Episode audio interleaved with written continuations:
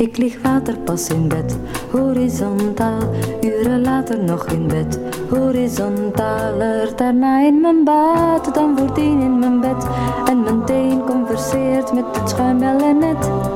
En ik vlieg er, hou de touwtjes wat minder strak. En ik vlieg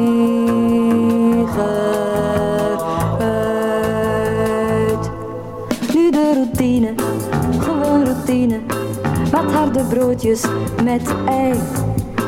Ik ren de trap af, deur uit, straat af, tram op. Dag kantoor en de machines en de combines. Het consumeren gaat door. Totdat het tempo vertraagt, de winst verlaagt. Weg kantoor.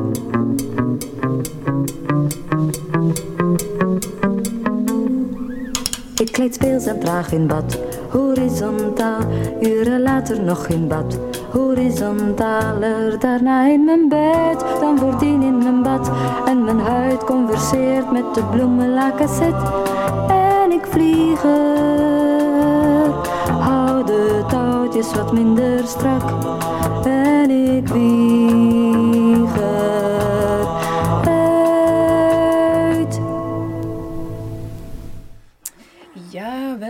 jawel, jawel. We zijn er door het verkeer geraakt. Allee, u toch, Dirk de Wachter. Juist. Welkom op, uh, op Radio Centraal. Met genoegen. Ik vroeg me eigenlijk vooral al af, om te beginnen, bent u het afgelopen jaar gevraagd geweest, uitgenodigd geweest in de media? Bijvoorbeeld de afspraak uh, ter zake bent u gevraagd geweest om daar het, uh, het woord te voeren voor het uh, mentale welzijn? Hè? Dat is jawel, dan de jawel, term. ja, ja. Ik had geen gebrek aan, uh, aan uitnodigingen en aan belangstelling. Heel veel lezingen. Ik dacht van het gaat rustig zijn, hè, want de lezingen vallen weg. Er mogen geen zalen gevuld worden. Maar dat pakte voor mij helemaal verkeerd uit. In die zin dat al die lezingen per screen gebeurden. En dat ook de dagen dat ik niet kon, men zei, ja maar dat geeft niet, dan pak een andere dag en dan nemen we dat wel op. dus ik zat elke avond voor mijn scherm te kakelen. Dat, uh, en dat is niet plezant ook niet, want je zit daar zo anoniem. Hier heb ik tenminste een blik en ogen om naar te kijken. Ja, dat, klinkt een beetje raar, maar het is echt zo. zo. Alleen maar naar uw eigen gezicht kijken is niet zo prettig eigenlijk. Maar bent u ook gewoon in, de, in een tv-studio uh, gevraagd geweest? Ja, wel, ook, ja, toch ja, wel? Ja, ja. Ah, ja oké. Ik ben uh, ja, zowel daar, ja, Enfin, nu niet zo vaak als de virologen natuurlijk. Hè. En ja, exact, begrijpelijk en terecht. Hè. Ja. ja. En uw patiënten, um, is dat gewoon doorgelopen en dan met een mondmasker? Of, uh, is dat ik, heb, ja, de, ja, ik heb zelf altijd blijven consultaties doen en iedereen is ook gekomen. Hè. Met de nodige maatregelen, namelijk geen hand geven, wat ik al heel raar vind, maar goed, dat moet nu eenmaal. Hè.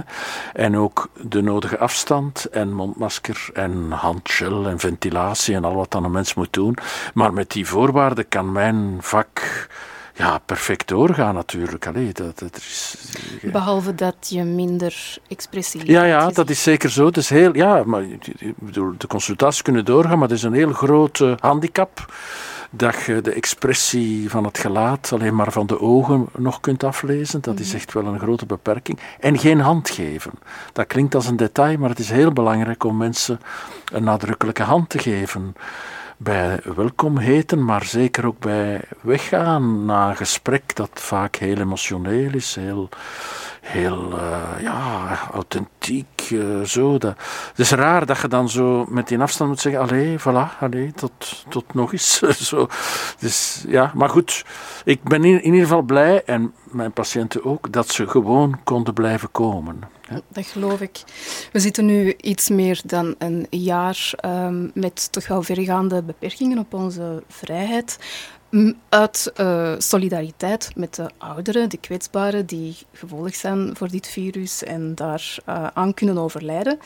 Maar dan hebben we natuurlijk ook nog andere kwetsbaren, de, de mentaal kwetsbaren. En die ziet u. U hebt daar een uh, een voling mee. Die... Ah ja, dat is mijn vak, ja en natuurlijk. daarom zit u hier in deze reeks mijn roeping. Ja, ja, ja, van vijf interviews. Um, dus wij zijn natuurlijk benieuwd, omdat er wordt ja, over het algemeen zo nogal snel overheen gegaan. Hè. Het mentaal welzijn, het mentaal welzijn. Dat gaat dan over iedereen. Hè. Iedereen heeft het moeilijk enzovoort. Maar ik ben toch ook wel benieuwd hoe het gaat met uw kwetsbare patiënten die al kwetsbaar waren voor ja. dit. Wel, in het ziekenhuis, ik werk in Kortenberg, hè, dat is een ziekenhuis verbonden aan de Universiteit van Leuven. En daar heb ik van alle uh, activiteiten, maar één van mijn verantwoordelijkheden is een dagcentrum voor mensen met ernstige psychiatrische aandoeningen, zo noemt dat tegenwoordig. Hè. Mensen die echt uh, ja, zeer ernstig psychiatrisch kwetsbaar zijn, die vaak veel medicatie uh, nodig hebben, die niet uh, in het arbeidsproces zitten, die uh, met veel omkadering het hoofd boven water houden. Dat zijn de meest kwetsbaren. Hè. En dan moet ik het goede nieuws, dat is dat al die mensen ook, we hebben die ook blijven laten komen met mondmasker en afstand en buiten in het goed weer, toen als het kon. Dus we hebben die, en degenen die niet konden komen of niet durven komen, die hebben we dagelijks gebeld. Enfin, we, mijn verpleegkundigen, die gouden mensen zijn. Hè. Uh, gebeld, soms twee keer per dag. Hoe is het, hoe gaat het? Een babbeltje, een praatje, wat heb je gedaan? En al die mensen, dat zijn, in totaal is dat een, zestigtal mensen, zijn allemaal, uh, hoe zal ik zeggen, hebben het hoofd boven water gehouden. Hè. Dus wat is de boodschap? Dat is, als je mensen goed vasthoudt, als je die verbinding houdt, dan gaat dat wel. Zelfs al duurt het heel lang. Maar ik ben zeer uh, bezorgd over, in het algemeen in de bevolking, de mensen die we niet vinden. Hè? Die niet in verbinding zijn, die thuis zitten, eenzaam en verlaten, die niemand kent vaak. Uh, en die nu, en, en ook de volgende maanden, want dat gaat zich nog lang laten voelen, ja, in de miserie zitten, in angst en depressie en verslaving en al wat dan niet goed is, uh, blijven hangen. Hè. En dat zeg ik niet zomaar als, als een individuele gegeven, maar dat komt uit heel veel studies en heel veel wetenschappelijke studies. Ten slotte, ik werk aan de universiteit, is dat mijn taak om het zo te benaderen. En daarin blijkt dat een significante stijging is van zowel angst, depressie, verslaving, maar ook uh, gezinsgeweld, uh, echtscheidingen. Al die dingen nemen erg toe. En daar gaan we dus goed moeten op letten. En dat is niet gedaan als we gevaccineerd zijn en terug mogen buiten komen. Dat, psychiatrie is iets ingewikkeld. Dat, dat kruipt onder de huid en dat duurt nog lang zo. Hè. Mm -hmm. Het is niet zo dat ze zeggen, ah, nu is er een lockdown, ah, de week nadien zijn er dus depressies op de spoed gevallen. Zo gaat dat niet. Hè. Mensen houden vol en proberen en zwijgen, durven geen hulp zoeken, zijn verlegen, hè, voelen zich gestigmatiseerd, maar nadien uh, ja, zien we dan de gevolgen. We zitten ook al een jaar in een soort van um, toch wel fetish met um, curves en statistieken ja, en ja, cijfers. Zeker, ja. En wat u nu noemt is niet in een statistiek te gieten. Dat is, nee, uh... wel, nee, niet, niet in de dagelijkse kranten toch niet, nee, maar wel in de statistieken van mijn wereld, namelijk de wetenschappelijke publicaties. Die, die waren ook massaal. Hè. In het begin had ik aan onze bibliothecaris gevraagd: hou alles bij over COVID en psychiatrie. Ja. Maar dat gaat niet meer, dat gaat over duizenden publicaties. Okay. Dus er is wel veel uh, evidence, noemen we dat, veel wetenschappelijke evidentie. Maar dat er moeilijker een probleem om is. in, Ja. van dag tot dag een status te geven en op een groot scherm uh, te Ja, maar zo is dat. We we zijn geen virologen, hè, met alle respect voor die mensen. Dat is een. Allee, maar het is nu een beetje raar om te zeggen. Op een bepaalde manier een eenvoudiger. Eh, statistiek. Hè. Je hebt de infecties en je hebt de hospitalisaties en je hebt de intensieve zorgen en de mensen die doodgaan. Hè. Dat kun je heel gemakkelijk visueel voorstellen. Ja, in psychiatrie is dat heel moeilijk. Hè. Dat, dat, dat, je, kunt, je hebt daar geen vat op, je weet niet dagelijks hoe dat het zit met de mentale status van de mensen. Er zijn nogal wat onderzoeken. Het blijkt dus dat alles een beetje toeneemt van moeilijkheden, maar ja, hoe, waar, wanneer, de lastigste dingen zien we niet. Ja. Vindt u dat er voldoende op wordt en werd geanticipeerd vanuit het beleid? Wel, ja, nu, nu moet ik daar, ik ben altijd heel kritisch en nu moet ik daar uh, een beetje positief over zijn, voorzichtig positief over zijn. Dat zijn de paradoxen van corona. het is voor het eerst in de, uh, in de geschiedenis van regeringsvormingen dat er in, in het regeringsplan iets stond over geestelijke gezondheidszorg. Dus op een of andere manier, en dat is het goede van deze miserie, komt het nu meer naar boven, zien mensen, oei, er is een probleem en heeft het moeilijk, en wordt erover nagedacht. Dat is wel goed. Mijn vrees alleen, dat is dat het geheugen van de mens kort is en dat we volgend jaar, als iedereen terug naar Tomorrowland gaat, vergeten zijn dat de kwetsbaren nog altijd angstig thuis durven zitten. Dus ja, maar nu is er een soort elan ook over bijna alle partijpolitieke grenzen heen. We moeten ervoor zorgen dat de wereld blijft draaien. We moeten ervoor zorgen dat, en dat vind ik ook goed, hè, dat er uh, financieel wat, wat uh, overbrugging is dat we het aantal faillissementen toch proberen te beperken. Ik zeg wel beperken, want er gaan er heel veel zijn. Hè. En psychiatrie zit midden in het leven. En dus economie en psychiatrie, dat, dat loopt heel erg samen. Men denkt soms dat ik daar anders over denk, maar nee, als er mensen failliet gaan en geen geld hebben, de, en, en, dan gaan ze problemen krijgen, dan gaan ze zich zorgen maken, depressief worden, er gaan echtscheidingen komen en noem maar op. Hè. Dus de economie doen draaien is erg belangrijk voor het welzijn van de mensen. De vraag is natuurlijk, en dan zijn we weer heel kritisch, is dit economisch model in de toekomst nog verder haalbaar.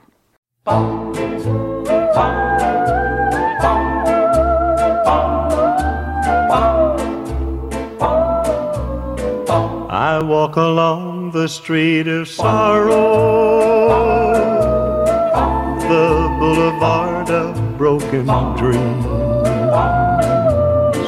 where gigolo and gigolette can take a kiss without regret, so they forget their broken dream. You laugh tonight and cry tomorrow when you behold your shattered schemes. And gigolo and gigolette wake up to find their eyes are wet with tears that tell of broken dreams. Here is where you'll always find Here is me. where you'll always find me. Always walking up and down. Always walking up and down. But I left my soul behind me. But I left my soul behind me. In an old cathedral town. Cathedral town. The joy that you find here you borrow You cannot keep it long, it seems. But Gigolo and Gigolette still sing a song and dance along the boulevard of broken dreams. you'll always find me, always walking up and down. But I left my soul behind me in an old cathedral town. The joy that you find here, you borrow you cannot keep it long, it seems. But Gigolo and Gigolette still sing a song and dance along the boulevard of broken dreams. The boulevard of broken dreams. The boulevard of broken dreams die leidt min of meer rechtstreeks tot bij de verdrietdokter. ja. Want u heeft nu gesproken over de mensen in Kortenberg. Hè. Dat zijn dan de, de ja, echt heel uh, extreem. Heel kwetsbare mensen, zo mogen we dat zeggen. Ja. Maar u heeft ook zelf nog een praktijk? Of Zeker, ja, ja. maak daar niet te veel reclame voor, want ik heb absoluut geen plaats en geen mogelijkheden. Ik zit overvol, laat dit gezegd zijn. Hè. Eh, maar inderdaad, ik heb nog altijd wat praktijk thuis. Uh, omdat ik ook graag, het is heel wel bewust, dus in Kortenberg zorg ik voor die heel erg kwetsbare mensen. En thuis, of, het loopt een beetje meer door elkaar hoor, maar uh, heb ik patiënten die niet noodzakelijk een psychiatrische diagnose in de enge zin van het woord hebben, die hun moeilijkheden hebben op relationeel vlak, op familiaal vlak. Want ik ben ook een relatie- en gezinstherapeut. Dus mhm. mensen met huwelijksmoeilijkheden, mensen met ja, lastigheden van het leven of, of met verliessituaties, noem maar op. En niet noodzakelijk ernstige psychiatrische problematiek in de klassieke zin van het woord. En zo kan ik toch, ook, ook doordat ik veel publiceer, probeer ik toch een, een heel brede scope te houden op, op de wereld. van heel kwetsbaar tot soms heel succesvol. Ik heb in mijn praktijk thuis natuurlijk ook mensen uit, ja, uit, uit het bedrijfsleven of uit de politiek of uit de, uit de mediawereld. Kan u via die patiënten al zo een beetje zien wat er eigenlijk gebeurt met al die andere mensen die we dan niet vinden? Het, ja, het nou, jawel, van, van jawel. Dan, dat is soms een beetje onvoorspelbaar. Je ziet soms hoe maar dat is in het algemeen ook zonder corona zo, hoe zeer succesvolle mensen achter die sociale glans zeer, zeer ja, verdrietig en, en pijnlijk kunnen leven. Hè? Dus de, what you see is not always what you get. Wat op Facebook staat als fantastisch, is in het echte leven soms ook wel heel moeilijk. En nu nog moeilijker met uh, het wegvallen, want het u hangt er wat vanaf. U heeft het uh, vaak over de kickcultuur. We zijn allemaal uit op kicks, maar, ah, hebt u wat ingelezen, maar niemand is tevreden. Dat is zo'n beetje uh, uw, uw, uw, boodschap of uw analyse. Maar nu, ja, alles wat een beetje plezier geeft in het leven, het zogenaamde feesten, waar al die jongeren op hun honger zitten en, en op café gaan. Ja, alle dingen van plezier zijn eigenlijk dicht gegaan. Ja, Ehm, wat betekent dat? Dus is, is die rat race die ehm, bij u in de praktijk dan eigenlijk ja, slachtoffers, om het zo te noemen, binnengooit, uh, die is nu eigenlijk gestopt, in zekere zin? Ja, maar niet op de manier zoals dat ik dat zou, zou voorstellen. Hè. Namelijk verplicht en van bovenaf. Dat is natuurlijk niet de manier om te verstillen en te vertragen. Hè. Heel veel mensen hebben het daar ook, jongeren, dat is ook algemeen gekend, ook veel onderzoek over. Heel veel jongeren hebben het erg moeilijk daar denk ik dat er toch ook wel voldoende flexibiliteit is in het algemeen. Dat, dat we niet een, een generatie gaan krijgen van verloren jongeren, zo, die de corona hebben meegemaakt en nu in hun leven helemaal mislukt zullen zijn. Hè. Dat denk ik niet. Omdat er voldoende flexibiliteit is bij de grote meerderheid van de mensen. Hè. Dat moeten we ook die, die, moet altijd die statistieken goed, goed beoordelen. Hè. Dus we gaan, als het gaat over problemen, ook bij jongeren, hè, gaan we van 20 naar 30 procent mensen die het moeilijk hebben. Dus een significante stijging. Maar dat betekent 70 procent die er wel goed mee omgaan, die voldoende flexibel zijn, goed omringd zijn, voldoende veerkracht hebben en die komen daar wel goed door. En dan hoop ik, en dat is ook altijd waar ik toe oproep, dat degenen die het goed stellen, degenen die het minder goed stellen, kunnen meenemen. Dat er verbinding kan zijn in peer groups onder de mensen zelf. Hè? En dat dat niet allemaal alleen maar door professionelen en psychiaters moet opgevangen worden. Dus wees mekaars psychiater een beetje, zeg ik dan. Dus ik hoor dat eigenlijk uh, voordien al 20% van de jongeren redelijk. Ja, dat zijn de cijfers. Hè, dat zijn de cijfers. Enfin, dat hangt vanaf hoe dat je het interpreteert. Je kunt, als je dat heel strikt psychiatrisch interpreteert, is dat minder. Hè. Maar 20% van de jongeren heeft last van stress, van vermoeidheid, van eenzaamheid ook. Dat is een merkwaardig onderzoek. Dus ook voor corona? Ja, ja voor corona. En dat neemt toe.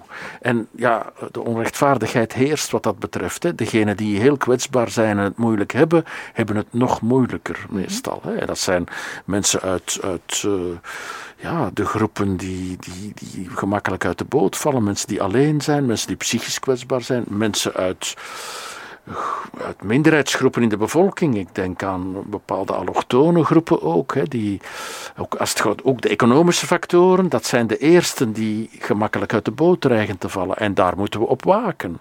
Dus psychiatrie is wat dat betreft ook wel ik zou bijna zeggen politiek. Het is heel provocerend om te zeggen, maar hoe kunnen we een inclusieve samenleving maken waar zoveel mogelijk mensen mee in het sociale weefsel zijn? Dat is, ja, dat is een politiek, sociaal uh, doelstelling. Hè? Maar dat verhindert op langere termijn heel wat ernstige psychiatrische problematiek. Want als men geen werk heeft en geen plaats in de wereld en geen vriendenkring enzovoort, ja, dan wordt men natuurlijk depressief of nog, nog van alles anders. Hè. Dus mhm. inclusiviteit is eigenlijk de bodem van preventie voor psychiatrie. Begrijp ik. Ik ben misschien wel verrast over die 10%. Ik denk dat het, uh, het idee leeft dat het veel erger en slechter gesteld is met de mentale toestand van de jongeren? Oh, wel, dat valt dus mee. Ja, ik, ik moet altijd die twee kanten benadrukken. Ik, ik, uh, kijk, als ik streng ben en kritisch, dan zegt men, je bent een apocalyptisch denker en een doemdenker. Dat is het laatste van mijn bedoeling. Ik ben een psychiater. Ik wil hoop brengen, vooruitzicht, dat is mijn vak. Dat doe ik elke dag met mensen. Dat probeer ik ook maatschappelijk te doen. Maar we moeten ook niet naïef zijn. de wereld verder helpen, hè, dat betekent ook heel kritisch kijken naar wat dat er moeilijk gaat en daarop wijzen en oproepen om daar iets aan te doen. Hè? Niet de ogen sluiten en doen dat er niks aan de hand is. Hè? Maar de meerderheid, ik herhaal nogmaals, de meerderheid van de mensen, jonge mensen, maar ook in het algemeen van de bevolking, volgens de studies die we nu hebben, en die zijn toch al vrij consistent, de meerderheid van de bevolking komt hier goed door. Maar een zeer grote minderheid, daar moeten we op waken heb ik toch wel allemaal heel triestige muziek meegebracht, zeker? En nu komt hier zo'n positieve boodschap uh, brengen. Ah, well, voilà. Er klopt iets niet. De psychiater spreekt. Ja, maar dat is de, de verdrietdokter. Mm Is niet de dokter die het verdriet propageert, maar die probeert te troosten, die probeert perspectief te bieden, die probeert de crack in everything te vinden. Of is dit dan deel van uw therapie eigenlijk, dat u ons een uh, hart onder de riem steekt? Ja, maar natuurlijk ja. Dat is mijn, dat is mijn ja, dat is waar ik voor sta. En dat doe ik in mijn consultatie. En sinds, want dat is ook allemaal van zo toevallig gekomen. Hè. Ik, ik, ik heb een boek geschreven, Borderline Times, hè, dat dan ineens ontploft is in de media. Alsof ik uh, iets nieuws had uitgevonden, wat dan niet waar is. Maar, en dan ben ik ja, in die media ook als een soort cultuurcriticus opgevoerd. hè. Mhm. Eh, een taak die ik een stukje ook wel opneem. Hè. Maar ik blijf natuurlijk, mijn core business is de psychiatrie. Hè. Maar goed, binnen die cultuurkritiek wil ik hetzelfde doen als in mijn consultatie. Namelijk problemen bespreekbaar maken, onbewuste dingen naar boven brengen, zaken proberen te duiden in de hoop dat we daar oplossingen kunnen voor bieden. Dat is wat ik doe. Ja.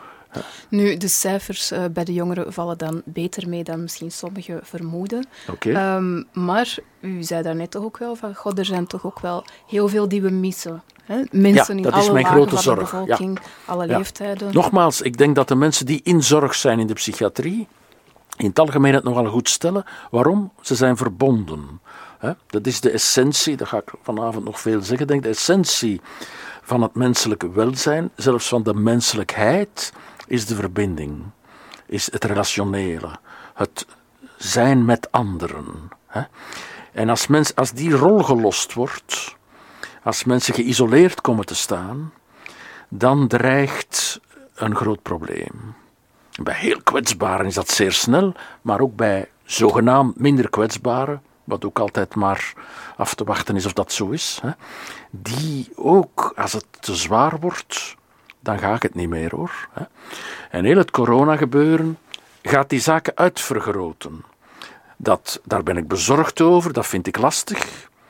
En tegelijkertijd, en daar ben ik hier weer, ben ik daar ook een stukje optimistisch over, want nu wordt er over gesproken. Ik zit hier nu wel. Hè?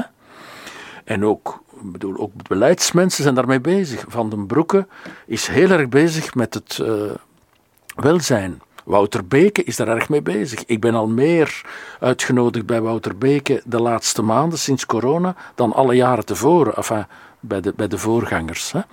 Dus er is een soort bewustzijn. Dat is al een belangrijke eerste stap. Mhm. hè. En u krijgt ook echt de indruk dat er geluisterd wordt. En Ja, ja, ja. En, maar, maar nu moet ik weer temperen. Hè. Het, is altijd, het, is, het is een soort bocht die ik altijd moet maken. Dan denk ik, ja, dat is goed. Hè.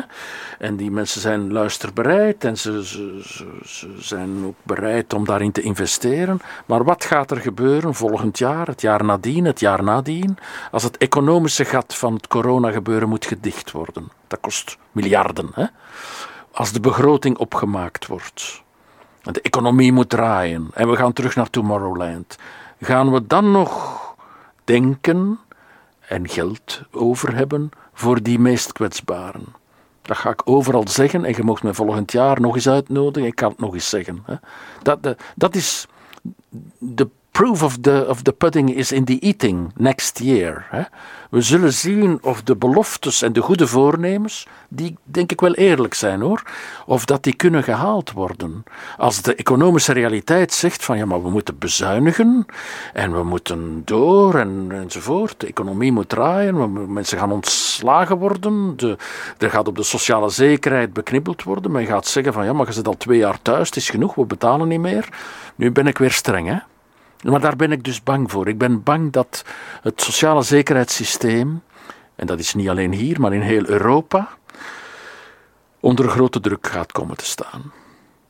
En dat is onrechtstreeks, maar toch vrij duidelijk verbonden met psychiatrische pathologie. Dat is ook mijn stelling. Ik ben een systeemtherapeut. Ik zie dat heel sociologisch. in welke zin is dat dan verbonden? Mensen die in de miserie zitten economisch, die gaan vlug ook psychologisch in moeilijkheden komen.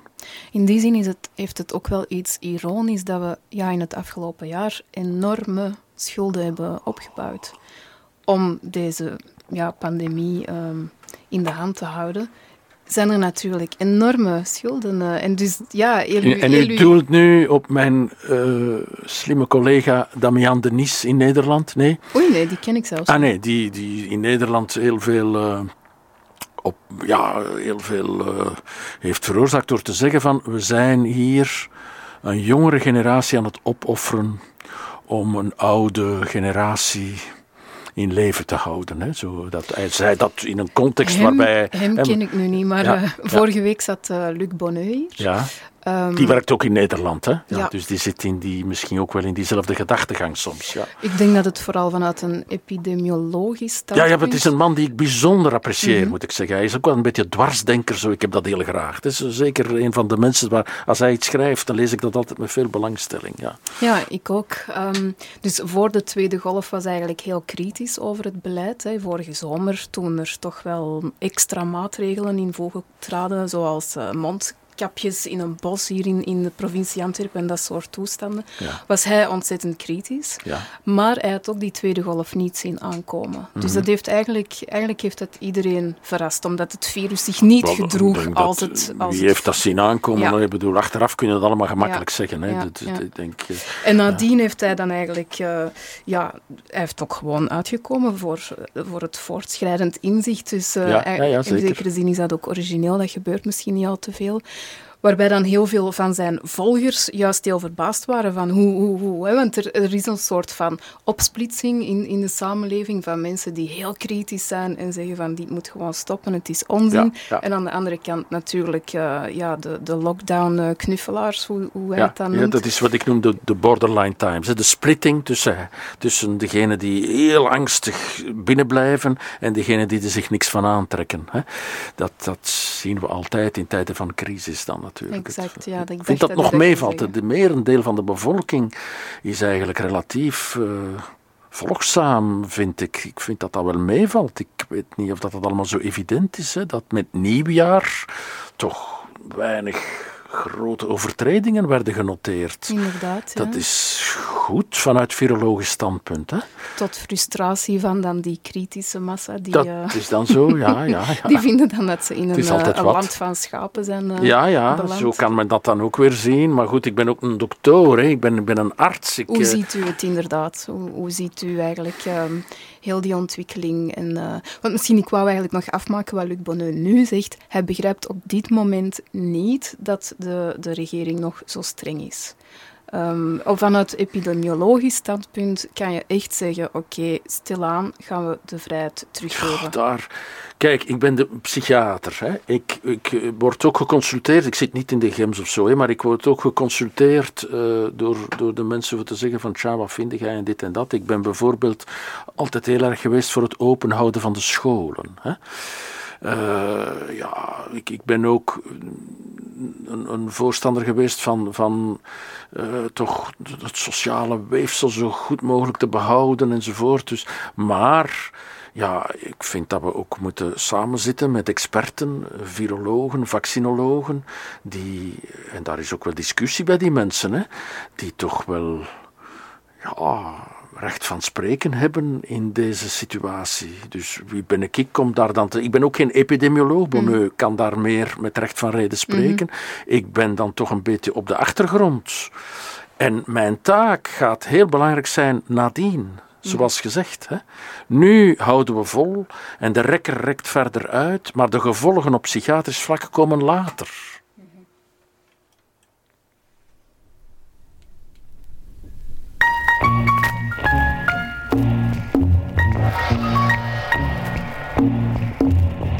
Medicine man, a medicine man,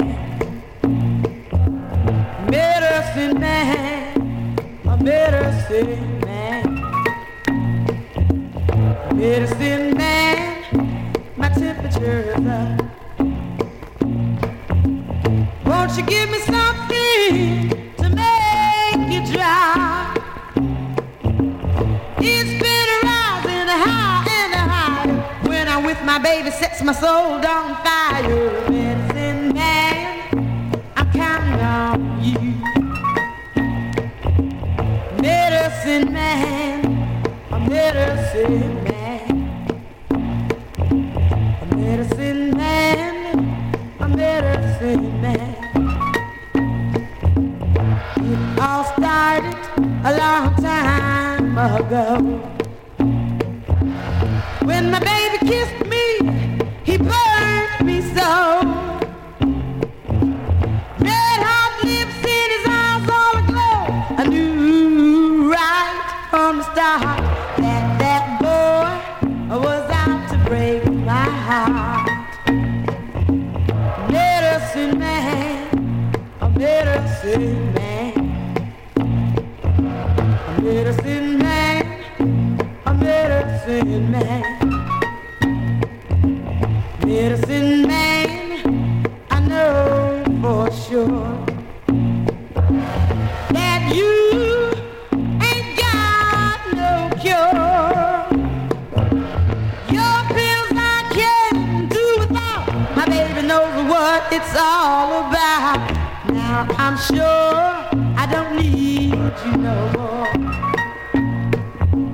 Medicine man, a medicine man. Medicine man, goodbye, medicine man. Medicine Man hier in de studio met Dirk de Wachter. Eenzaamheid, is dat het cruciale probleem van deze tijd, van de moderne wereld in deze tijd, westerse wereld? Ja, nu moet ik ook weer genuanceerd antwoorden. Het, het antwoord is ja. Hè. Het blijkt uit heel wat bevragingen, onder andere van Lieven Annemans, als ik hem nog mag citeren, hè, dat eenzaamheid inderdaad een zeer groot probleem is. Niet alleen bij oude weduwnaren, maar ook bij jonge mensen. Hè. 20 tot 30 procent van de twintigers en dertigers voelen zich heel eenzaam. Hè. Die 20 tot 30 procent die blijkt terug te komen. Ja, dat is, dat is natuurlijk, dat zit je in de Gauss-curve zo. En er is natuurlijk een hele grote correlatie tussen de eenzaamheid en de psychiatrische problematiek ook. Ja? Die, die zijn heel erg verbonden. Uh, maar goed, uh, is dat van alle tijden? Ja, de mens is uh, veroordeeld tot eenzaamheid, zeg ik altijd. Maar we leven in deze tijd. Het is dus in deze tijd dat ik daar iets wil aan doen. Hè. Heel veel van mijn patiënten op consultatie vermeldt dat als een groot probleem. Dat ze met hun verdriet, hun lijden, hun miserie bij niemand terecht kunnen. Hè. De definitie van eenzaamheid is ik kan bij niemand terecht. Dat is iets anders dan alleen zijn. Hè. Singles zijn soms helemaal niet eenzaam, zijn goed verbonden, kunnen, kunnen contact nemen met mensen. En andere mensen leven soms samen in een gezin of in een, in een koppel enzovoort en voelen zich compleet geïsoleerd en eenzaam. Maar dat is een groot probleem, omdat als je dan iets voor hebt, iets lastig, iets moeilijk, en je kunt met niemand spreken en je moet dat dan maar op je eigen wat, wat dragen, wat slikken, dan dreigt dat vlug problematisch te worden. Is het dan te kort door de bocht om te zeggen dat het ja, wel moeilijker is gegaan voor mensen in eenzaamheid in het afgelopen jaar?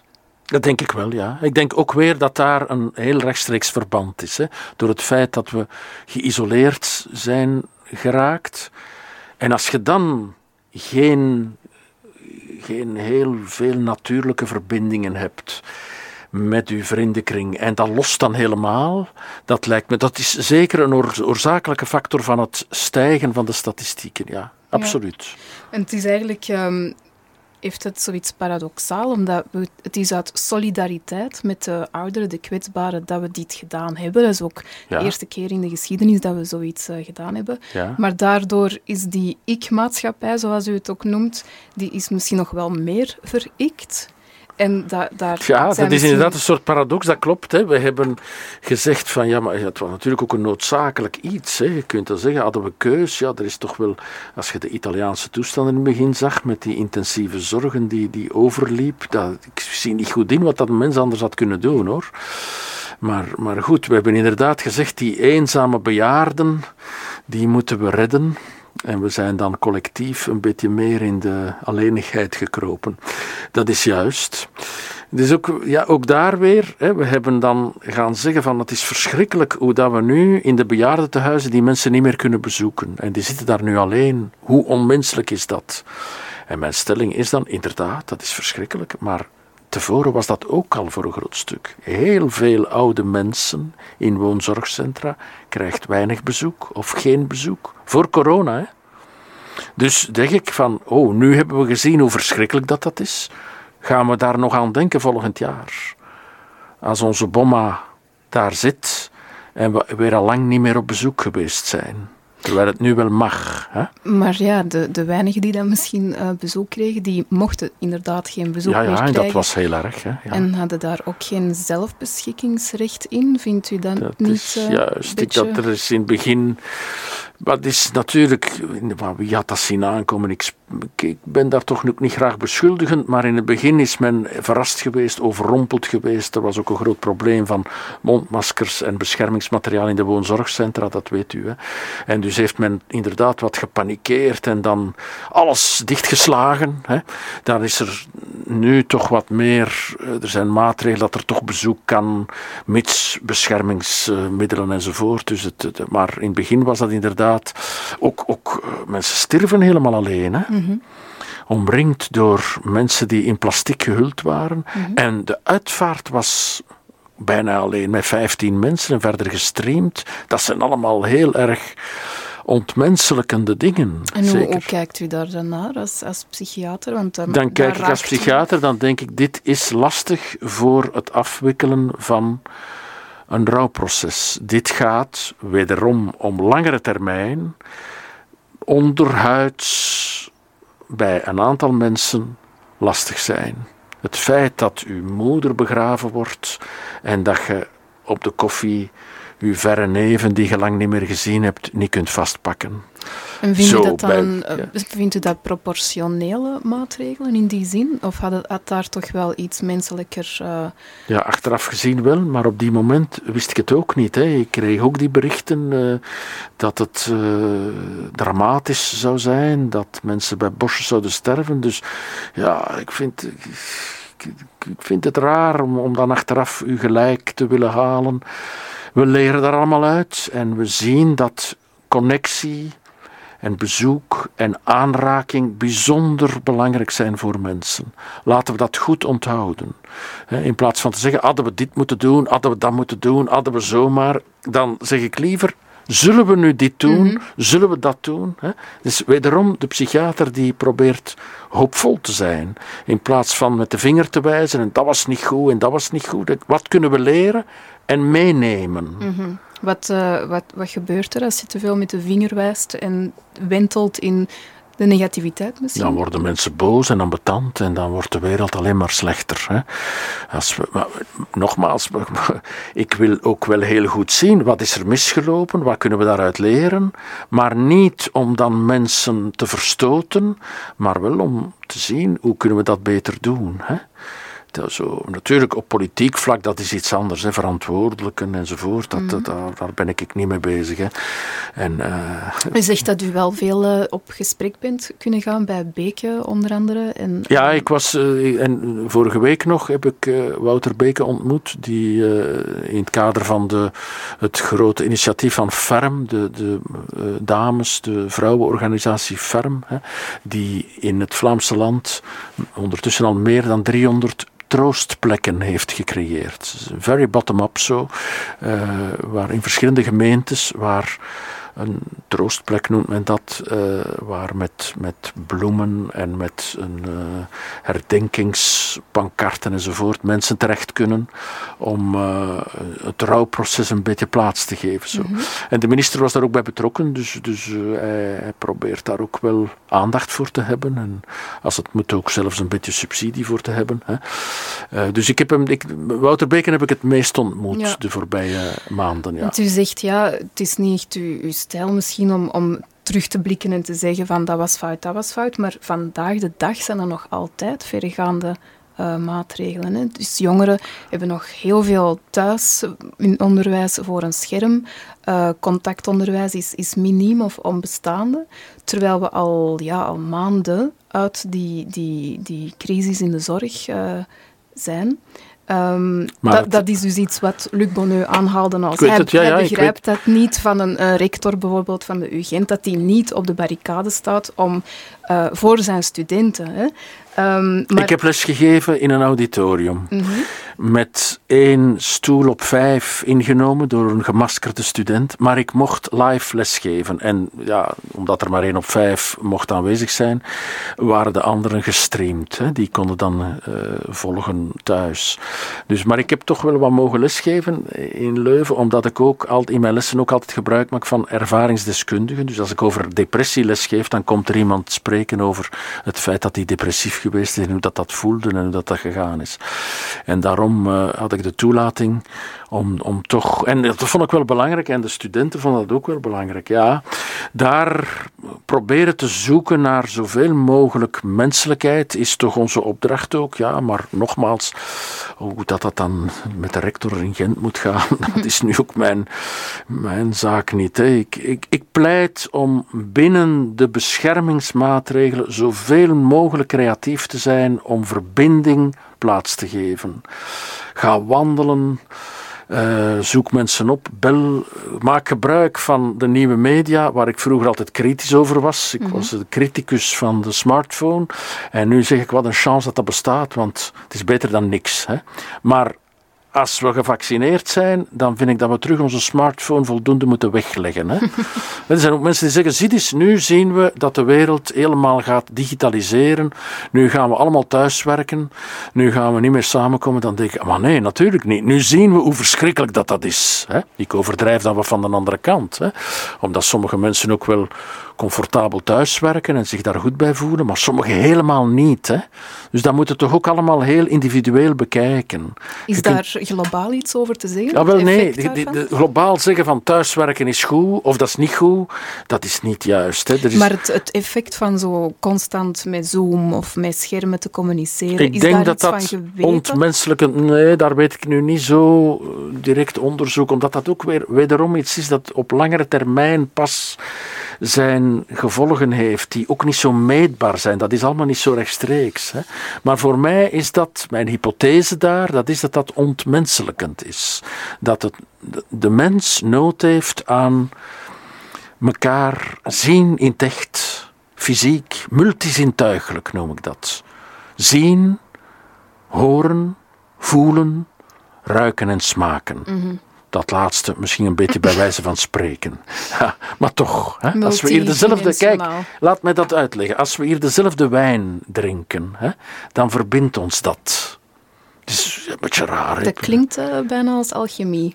Ah, wel ja, dat mag, mag een beetje spiritueel klinken. Maar dat is, ja, dat is iets anders dan dat je thuis voor een scherm zit. Ik vind dat heel essentieel in, in, in het menselijk bestaan. Zo. De huidhonger, zeggen de Nederlanders, ik noem dat graag strelingstreven. Maar dat is heel belangrijk dat we elkaar aanraken. ja, dat mag niet teloor gaan. Maar ik hoor niet iemand die daarom, door het zo duidelijk dat te zien, daardoor op de barricade staat. Ik sta heel een tijd al op de barricade. Maar, Maar, niet om te zeggen dat de virologen geen gelijk hebben.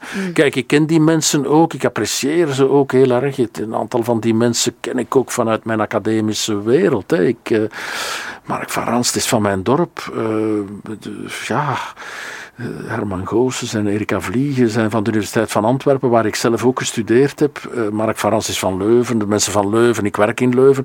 Ja, ik wil die ook niet vanuit mijn positie in de weg staan. Ik wil wel met hen in dialoog gaan en zeggen van, hé hey, mannen zeg, hey, kom aan, we moeten toch ook opletten. Dat... En daar wordt ook wel rekening mee gehouden. Er wordt gezegd, de scholen, daar moeten we op letten. Er wordt gezegd, eh, de eenzame mens, die kreeg van... eh, van van Frank van den Broeke twee knuffelcontacten. Enfin, het klinkt vlug een beetje, een beetje raar, hè, maar er is toch voorzichtig naar geluisterd. Maar er is heel veel angst, inderdaad. En die angst die maakt dat men ja, heel terughoudend is in, in de vrijheid. En ik moet zeggen, ik ben daar twijfelend in. Vanuit mijn geneeskundige studies ben ik daar ook wel vatbaar voor om die angst plaats te geven. Vanuit mijn psychiater zijn en mijn maatschappijkritische visie eh, ben ik ook wel iemand die zegt van, hey, jammer, hè, zijn we nu niet aan het overdrijven en gaat de prijs niet te hoog zijn, maar ja, de prijs van de doden en de, en, de, en de zieken is ook heel hoog psychiatrisch. Hè? Als uw bomma sterft en uw moeder sterft, daar wordt men niet vrolijk van, alstublieft. Hè? Allee, dus, dus ik moet daarin laveren tussen, tussen al die, Ik ga die nu voor- en iets, iets eh, tegenstanders. ongelooflijk cru zeggen, maar het Ja. kwam toch bij mij op.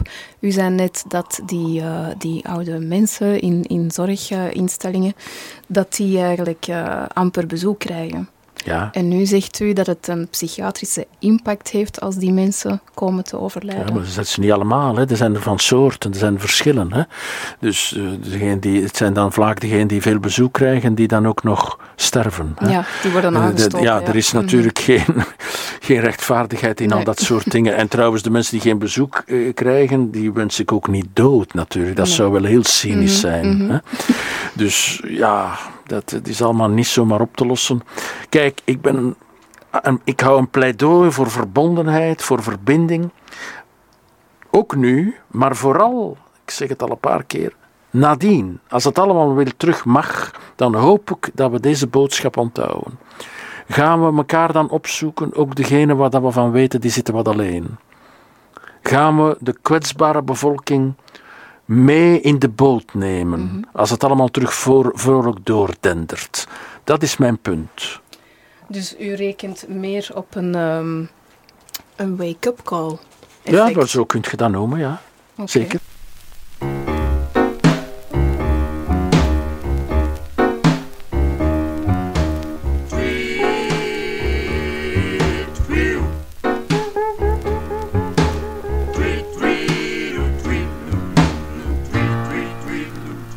I wanna go back home.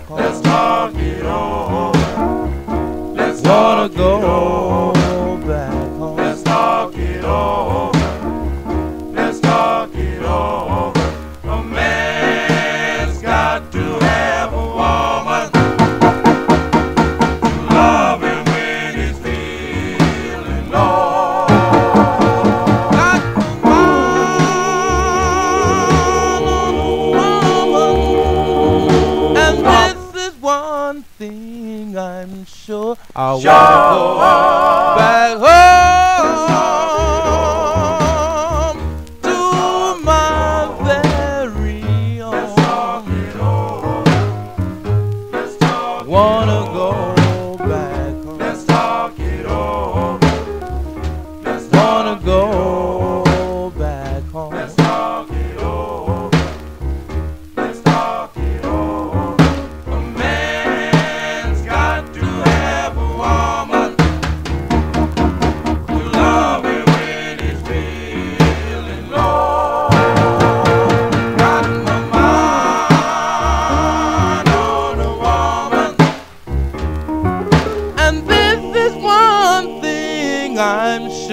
I wanna go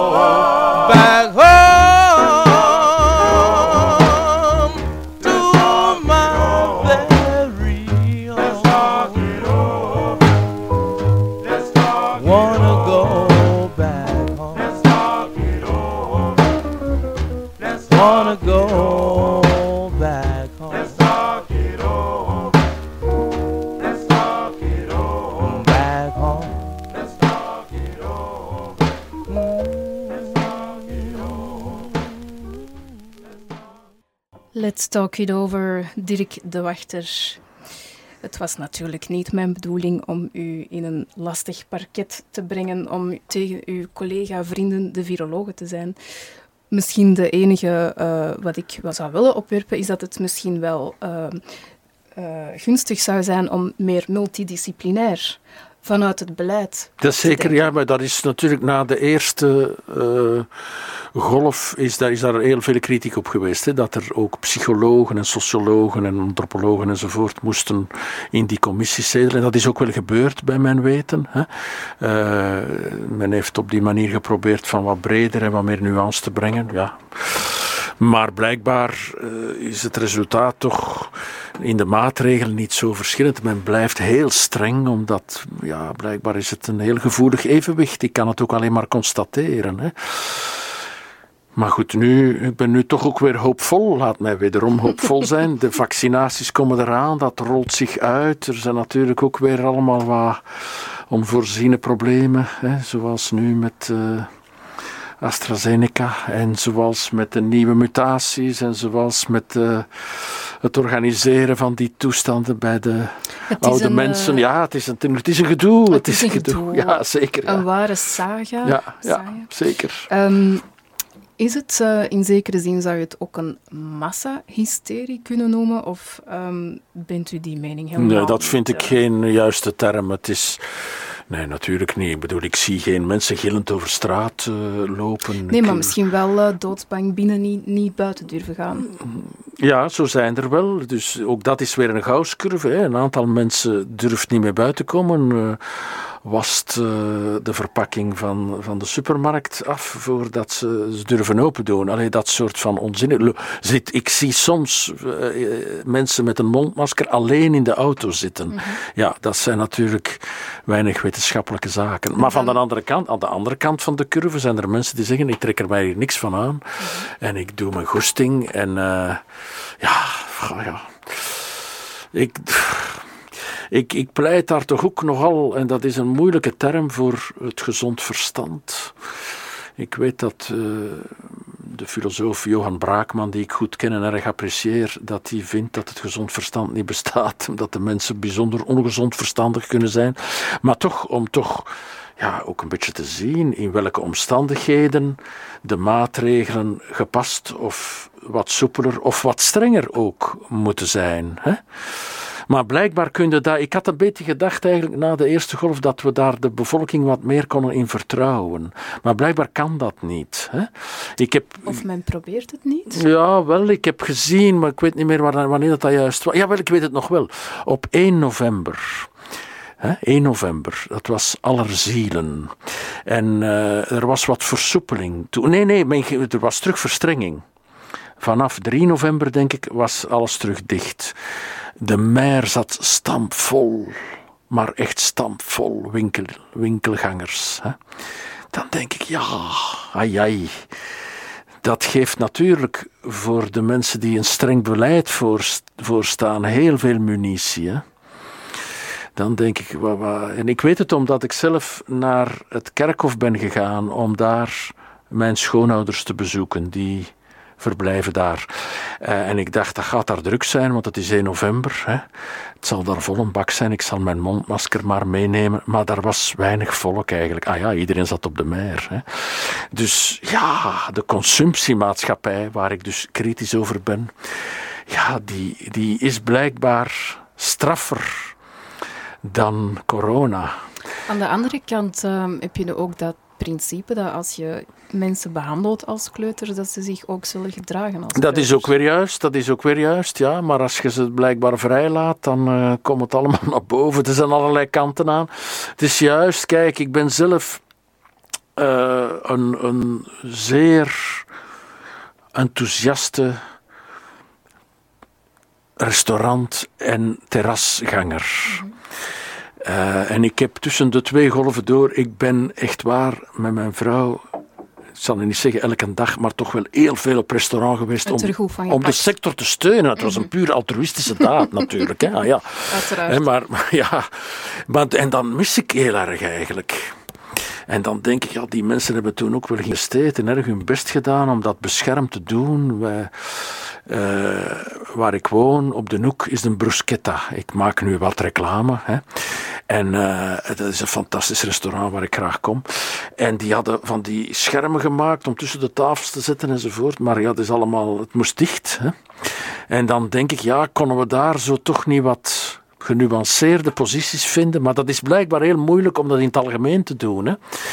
Blijkbaar. U zo zegt- blijkt. U, u zegt dat, ja, maar Ja. er kunnen toch inderdaad kritische vragen bij gesteld Ja, maar ja, die, wordt, die stel ik ook, die Ja. zijn er ook. Maar ja, ik zie dan hoe de cijfers toch stijgen als we alles opengooien. En, en ja, ja ik, eh, ik, ik wil heel kritisch zijn hoor. Nogmaals, op restaurant gaan doe ik zeer graag. En dat mis ik heel erg. En dan denk ik van, ja maar zeg, die, die, die, de mensen die ik ken, de restauranthouders die ik ken, gaan daar zeer voorzichtig mee om. En lijken mij, en dat spreek ik individueel gesproken, geen gevaar te zijn voor de volksgezondheid. Maar als dat heel globaal zo is, dan blijkt uit de statistieken van de virologen dat die contacten toch heel vlug uit de hand lopen. Dat hoor ik maar. Ja, maar dat is natuurlijk ook eh, met het idee dat je die contacten allemaal kan beïnvloeden en manipuleren, Ja. terwijl dat er zoveel eh, bevolkingsgroepen zijn die gewoon niet bereikt worden. En dan is is, het, dan is het gemakkelijker om, te- om de blok erop te doen en, Ja, en dat is juist. Dat is gemakkelijke juist. maatregelen te Dat is, nemen. ja, waar, waar- ja, In de overheid van, moet eh, dan zo moet dan heel brute maatregelen nemen waar een aantal genuanceerde, voorzichtige mensen het slachtoffer van zijn. Dat is denk ik wel waar, ja. Mhm. ja. Heeft u ehm, gelezen of gehoord wat uw collega, denk ik, Matthias de Smit, professor klinische psychologie... Is een psycholoog, hè, psychoanalyticus. Jazeker, ik heb zijn eh, stellingen gevolgd. Hebt u hem uitgenodigd ook? Nee, ik Want heb... eh, Hij gaat er fors tegenaan aan de andere kant, zo om te zeggen. Hè? Inderdaad, Ja, maar hij ja. is al veel eh, in, in, in media Wel ja, hij is een dacht- beetje de woordvoerder geworden van de, van de, de protestgeneratie zo. Hè. En hij wordt op handen gedragen door die kleine minderheid, maar hij wordt onwaarschijnlijk afgeschoten door een, een andere kleine minderheid. Dus eh. misschien even samenvattend, hij meent wel dat we in een massahysterie ja, of zelfs bijna een, eh, een, een soort van eh, psycho...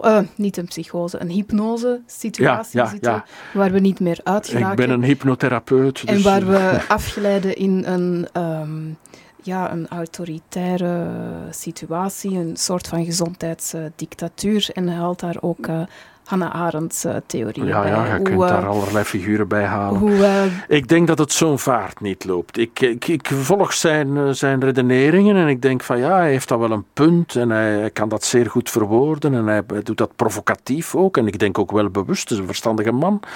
Maar ik volg... Ik volg hem niet in zijn eh, volledige redenering. Ik vind niet dat het een hysterie is. Ik vind dat de meeste mensen relatief rustig redeneren, dat ze ook creatief met de bubbels omgaan om binnen hun familie en binnen hun vriendenkring nog mensen te zien en daarin toch wel het minimum aan contact te behouden. Hè. Dus ik, ja, ik vind dat hij daarin maar goed, laat mij nu. Ik ken hem niet persoonlijk, dus ik, eh, dat hij dan toch een beetje een hysterisch discours voert. Hè? Eh, voilà, hè, dat hij eigenlijk een, een taalgebruik hanteert waar hij juist kritisch over is. Hè? Maar dat vind ik ook van, eh, om dan de andere kant van het spectrum te noemen, van de, de standaardjournalist Joël de Keulaar en zijn compaan. De morgen is het, denk ik, hè? Of in de morgen, ja, ja, ja, in, in de morgen. En uh, zijn compaan Maarten Boudry, die ook aan de Universiteit van Gent werkt, in dezelfde, uh, dezelfde vakgroep, of bijna toch uh, als, als Matthias de Smet. Daar zal daar een hartig woordje wel vallen, daar in die universiteit. Hè. Dus ja, ik op die moment. Ik vermoed dat Maarten Boudry niet buiten komt, dus dat zal misschien dan toch niet vallen, dat hartig woord. ja, ja, maar via de, de, de chat dan misschien. Kijk, ja, ik ben daarin dan toch de mens die probeert genuanceerd te zijn, die probeert verbindend te zijn, die zegt van ja, maar mensen, niet buiten komen, dat is echt geen goed gedacht. Maar buiten staan roepen, dat gaat ook niet helpen. Laat ons eens kijken hoe dat we voorzichtig met de virologen in dialoog kunnen gaan, pleiten voor verbinding, pleiten voor voor genuanceerdheid, voor, voor vrijheid die, die binnen de maatregelen toch kan verkregen worden, voor de scholen open te houden, voor de economie draaiende te houden. Ja, dan, het, is, het, heeft, te maken met mijn temperament ook. Hè. Ik ben ook een psychiater die mensen behandelt. Hè die dus zowel, en bijvoorbeeld politiek, die zowel in mijn consultatie mensen die heel erg bijna streng fascistoïd in elkaar zitten, probeert te begrijpen en te helpen. En mensen die zeer vrij, libertijns, grenzeloos zijn, ook in mijn consultatie probeert te begrijpen en te helpen. En het is mijn roeping en mijn taak om proberen in heel die grote verschillen begrip te vinden en, en, en, en, en te helpen. Ja.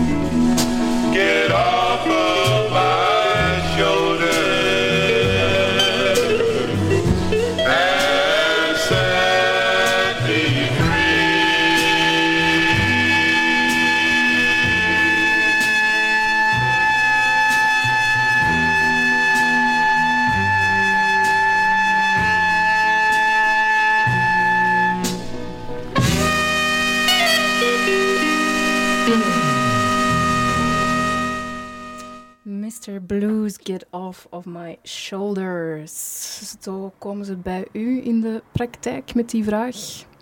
Ik wil van mijn verdriet af, vermoed ik. Ja, maar zij zoeken mijn shoulder natuurlijk. Hè? Om op te huilen. Ja, om, om, ja, zeker, omdat ze geen, vaak, dat gaat dan over die eenzaamheid, geen andere shoulder hebben dan die van de psychiater. Hè? Zeker, ja. En men wil van het verdriet afkomen, wat nogal begrijpelijk is. Zeker als dat verdriet verschrikkelijk is, en dat is soms zo. Maar mijn stelling is dan, het is daar dat u op duidt waarschijnlijk, dat we het verdriet plaats moeten geven en het niet moeten wegduwen of, of platslagen, maar dat we het een plaats moeten geven in, in het leven. Bij deze hebt u dat in elk geval eh, even meegegeven Ja, voor de ja. luisteraar. Dat is mijn stelling. Die kan er eh, toch maar goed mee zijn. Hè. Ehm, wat vindt u van de rol van de media in, in heel deze ehm, pandemie? Wel, een aantal journalisten springt graag op de kar van de, van de polemiek hè, en van de voor en tegen, wat we daar straks gezegd hebben. Hè. Dat, is, dat is blijkbaar wel plezant ook en dat verkoopt dan goed of zo, denk ik. En verder vond ik toch ook dat, dat ja, de afspraak en, en die, die uitzendingen, dat is, het is toch bij momenten alleen maar corona. Hè. Ondertussen gaat de wereld ook verder en gaan de onrechtvaardigheden van de wereld ook verder. Ik heb daar van in het begin ook eh, actief eh, belangstelling voor gevraagd. hè. Waar zijn de vluchtelingen? Waar, zijn, waar is het racisme? Enfin, er is nu, spijtig genoeg, door, door vreselijke gebeurtenissen toch ook weer wat belangstelling voor homofobie en dat soort zaken. Ja, dat is allemaal niet weg, hè? De, de, de, de, ecologie en, en, en zijn dreigende rampzaligheid, waarvan sommige mensen zeggen dat gaat veel ernstiger zijn de volgende decennia dan wat er nu gebeurt. Hè.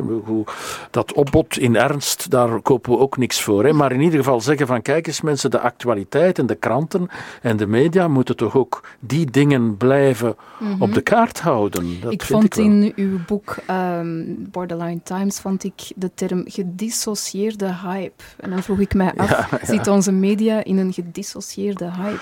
Dat is een beetje zo, ja, dat denk ik wel. Ik denk dat, dat er een, een blikvernauwing is.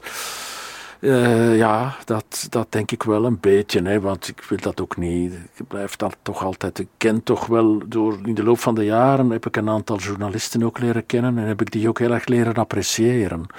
Het is toch ook zo, als je mensen dan leert kennen, dan, dan begint je daar ook anders naar te kijken. Het, het is, het is- wat ik daar straks ook zei, het is heel makkelijk om zo op afstand en dan ook vaak achteraf te zeggen van dat is toch niet goed en dat is niet goed en dat is verkeerd. Als je dan met mensen in gesprek gaat en hun positie ook leert kennen, dan... Ik heb eh, met een aantal journalisten een zeer, een zeer goede verstandhouding ook. Eh, maar goed, er is natuurlijk ook een schreeuwerige journalistiek die zonder veel feitenkennis maar kakelt. Dat is zo, ja. Wat is uw advies voor mensen die, misschien luisteren er eh, mensen, die zich heel ehm, alleen voelen in hun kritiek op, eh, op de gang van zaken, op de maatregelen, op die blikvernauwing in de media? Ehm, zij voelen zich eenzaam, want zij zien rond hen een, een, een samenleving die in een angstneurose zit. Ehm, ik spreek even over die polarisering. Hè. Ja, Dus ja, ja, ja, die polarisering is ambetant. Die, En ik doe dus niet mee aan de polarisering, nog aan de kant van de vrijheid, Matthias de Smet, nog aan de kant van de angst, Joël de Keulaar. Om het nu zo, laten we die personen ook niet, niet te veel viseren, maar om dat zo uit te drukken, dan zeg ik, ja, maar daar, dat, het, het polariseren gaat de, de, de, de toestand nog verergeren en gaat een aantal mensen nog meer in, in, ja, in, in eenzaamheid duwen, denk ik. Hè? Hoe kunnen we verbindend zijn? Dat is altijd weer opnieuw mijn, mijn positie. Hoe kunnen we in gesprek gaan met zij die heel angstig zijn? Hoe kunnen we in gesprek gaan met zij die te weinig angstig zouden zijn? Eh, eh, ik, ik ga daarmee spreken. Ik ga zeggen van ja, maar ja, hoe zit het? Enzovoort. En mijn achtergrond is die van de wetenschappelijke analyses. En dan komt Luc Bonnet inderdaad erg op de voorgrond. Het is een, een man die ik graag lees, die vaak een beetje dwarsig, maar altijd heel goed wetenschappelijk onderbouwd redeneert. Dat vind ik wel belangrijk. Evidence-based noemen we dat in onze, ook in de psychiatrie. Hè. Als, als blijkt dat voor een depressie uh, mensen geholpen worden met een bepaalde medicatie, dan zeg ik niet, medicatie is, uh, is te verwerpen. Dan zeg ik, oh tja, hè, ik ben kritisch over medicatie, dat weet u. Hè. Ik vind dat er te veel pillen genomen worden, maar bij mensen met ernstige depressie is de medicatie levensreddend. Dat komt uit de wetenschap. Hè. Dus mijn achtergrond is de wetenschap en de wetenschap heeft een, een vooruitschrijdend inzicht. Hè. Dus, dus die, daar, die kunnen de zaken weer terug bekijken en kritisch, altijd weer terug kritisch kijken en zo een aantal gegevens herroepen en, en nuanceren enzovoort. Wat er nu trouwens ook gebeurt met de vaccins en al die dingen. Hè. Maar dat is het bijzondere natuurlijk aan deze periode, dat zoveel mensen aan beide kanten van dat spectrum, van die polarisatie, Ja. helemaal ingedoken zijn in Ja, die, in die ja. wetenschappelijke materie. En helemaal, ja, dat is dan eh, cherrypicking. Je vindt de... Hun eigen gelijk dan eh, willen bewijzen, zo gaat dat in die discussies, ja. En dan tegenover elkaar staan en geen enkele dialoog meer voeren. Mekaar beledigen, mekaar in, in, in persona gaan viseren. Ja, dat is natuurlijk waar de psychiater niet aan wil meedoen. Hè. Ja, dat, ik probeer dan toch verbindend te zijn, begripvol te zijn. Kan het zijn dat er te weinig podium wordt gegeven voor die kritische stem, dat die niet in de openbaarheid kan besproken worden? Waardoor mensen... Ja, u weet dat toch ook, dat er, ik denk dat in de zevende dag was, dat daar eh, een, een arts eh, die, die heel erg, die tegen de vaccinaties, de antivaxers zoals men dat noemt, hè, die daar een podium had gekregen. De, ja, de, de, de media stonden op hun kop, eh, dat de VRT dat had durven doen. Hè, dus blijkbaar ligt dat ook heel gevoelig. Daar, daar is het, het verschil, de vrije meningsuiting is daar aan de ene kant. Aan de andere kant is er dan de wetenschappelijke evidentie. En, en eh, ik vond dan zelf, vond ik, ik heb dat herbekeken, vond ik dat Pierre van Damme, die ik ook goed ken, hè, dat hij dat zeer goed gedaan heeft. Heel rustig en, zonder te beginnen boos worden of ambetant worden. Heel rustig en heel rustig wetenschappelijk zijn punt gemaakt. Ik zou dan denken, maar dat zou moeten onderzocht worden, dat die uitzending een, een pleidooi was dat waar Van Damme eh, heeft gescoord. Zo zou ik dat denken, maar ik bekijk dat natuurlijk dan weer vanuit mijn positie als arts, met mijn wetenschappelijke achtergrond, waar ik vind dat, hij, dat zijn argumenten eh, ja, onderbouwd waren.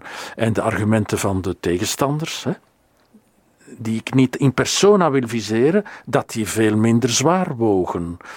Maar misschien kijkt, en blijkbaar kijkt niet iedereen zo op een kritische en onderbouwde manier naar zo'n uitzending. En was dus het besluit van dat mag niet meer gebeuren. Ja, maar kijk, het feit dat die discussie wordt gevoerd, dat daarop teruggekomen wordt, dat men voor- en tegenstanders aan het woord laat en dan zegt van wat betekent dat nu, dat is toch ook wel geen slechte zaak in een samenleving die, die zoekt naar, naar de waarheid. Hè? Allee, ja. Ik vond het goed dat die discussie gevoerd is. Oké. Ja? Wat maakt dat iemand eh, nuchter en rustig blijft en iemand anders panikeert? Hè? Als we het dan hebben over die twee uitersten, kan je daar als psychiater zijnde, als expert van wat er in ons mentaal eh, en psychisch wereld Op individueel niveau. wat, wat gebeurt daar eigenlijk?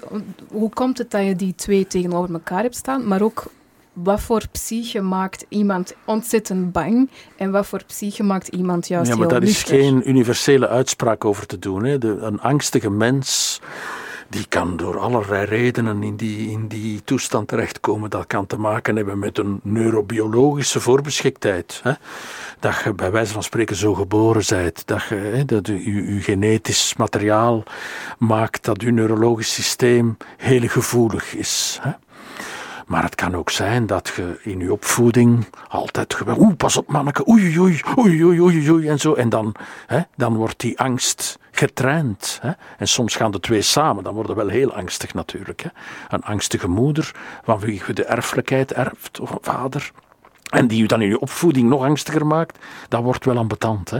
Maar nature en nurture zijn interwoven. Hè? Dat, die, die, die zitten allebei. En dan, dan worden mensen wat ze zijn. Hè? En soms maken ze ook dingen mee waar die angst begrijpelijk is. Hè? Ik bedoel, als je in je familie een aantal mensen verliest door corona. Eh, ook mensen waar die, die normaal gezien nog veel levensjaren zouden gehad hebben, ja, dan begrijp ik dat mensen wel angstiger worden. Hè? Bijvoorbeeld. Dus dat zijn heel uh, verschillende omstandigheden. Hè? Dat, dat, die, die verklaring kun je alleen maar dan individueel zien. Hè? Dus als ik een angstig mens bij mij heb, dan ga ik hem vragen of haar vragen. Wow, wat is er aan de hand? Hoe, hoe, hoe, is, hoe is uw leven? Hoe, hoe zet je zo geworden wie dat je zijt? Hè? Ja, daar zou iemand uh, natuurlijk meteen een stuk rustiger van worden als, als je dat zo vraagt. Kan ik me voorstellen. Ja, dat hoop ik ook. Hè. Dat is ook wel mijn taak om mensen dan te laten vertellen. In de hoop dat ze daardoor alleen al een beetje een geluisterend oor krijgen en een beetje rust vinden. Ja, maar dat is wat ik doe. Ja, dat is wat ik doe. U schrijft ook uh, natuurlijk over de secularisering. Hè. We, we, hebben geen God meer in ons leven. Um, daardoor wordt het leven zelf wel heel belangrijk, want we hebben er maar één, er is geen hiernamaals meer. Juist. Speelt dit ook in, in die evolutie van dat we dit virus zodanig willen um, klein krijgen, dat we um, ook al volgt COVID-19 volstrekt de ouderdomsterfte. Hè, dus het, Mhm. het, voor, voor jongeren is het zelfs minder Mhm. gevaarlijk dan, dan uh, griep.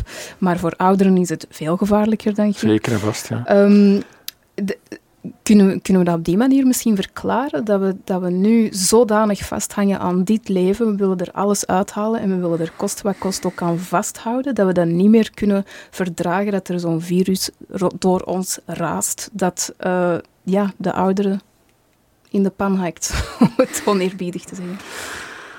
Ja.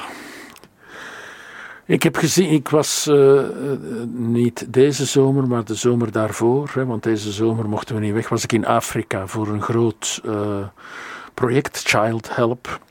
Een project over heel de wereld van mijn vriend Pierre Mertens voor kinderen met spina bifida en hydrocefalie, waterhoofd en open ruggetje. Ja? En in, uh, in het zuiden zijn heel veel kinderen met die problematiek. En uh, dat is natuurlijk heel moeilijk in die arme landen enzovoort. En ik was daar als ambassadeur van die, van die organisatie, ook om, om daar aandacht voor te vragen enzovoort. En ik ben, uh, het was heel boeiend, was geen plezierreis, maar een heel betekenisvolle reis. Op bezoek geweest bij mensen. En in Tanzania was dat, daar heb je mensen die enerzijds heel uh, christelijk-katholiek gelovig zijn, anderzijds mensen die moslim zijn. En die beide groeperingen in die landen, heel gelovige mensen, die gingen toch wel heel andersom met die grote miserie van die kinderen die soms sterven en heel ziek waren enzovoort. Heel gelaten, aanvaardend. God heeft het zo gewild. En zelfs nog straffer, als God het zo gewild heeft, dan is het goed. Dat is iets waar we hier, zelfs een gelovige mens kan dat bijna niet meer bedenken, denk ik, denk ik. Dus ja, maar goed, het is natuurlijk geen pleidooi om te zeggen we gaan nu allemaal terug naar de kerk lopen. Ik denk dat de wereld ook is wat hij is. Hè. Maar wat ik wel, uh, hoe moet ik dat nu genuanceerd weer zeggen? Ik pleit er toch voor om de hubris, zo noem ik dat, de, de, de pretentie die de westerse mens soms heeft om te denken ik kan het allemaal regelen, ik heb het in de hand. Hè die God boven, die bestaat niet meer en nu ben ik zelf God. Dat is eigenlijk wat er dan dreigt, dat, dat wij, zeker in het Westen, denken dat we alles in de hand hebben, dat alles kunnen regelen, dat wij de, de goden zijn van ons eigen bestaan. En dat is niet zo. Hè? Als er geen God in de hemel is, het zou kunnen, hè.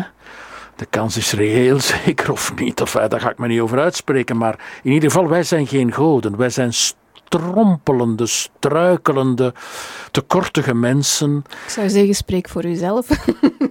ja, ja. Grapje. Ja, maar dat zijn we allemaal, ook zelf ook, ja, zonder twijfel ik zelf ook, die, ja, met verdriet te maken hebben, met toestanden, met sterven te maken hebben, met ziek worden, met, met, met ruzies en toestanden. Dat is het leven. Hè?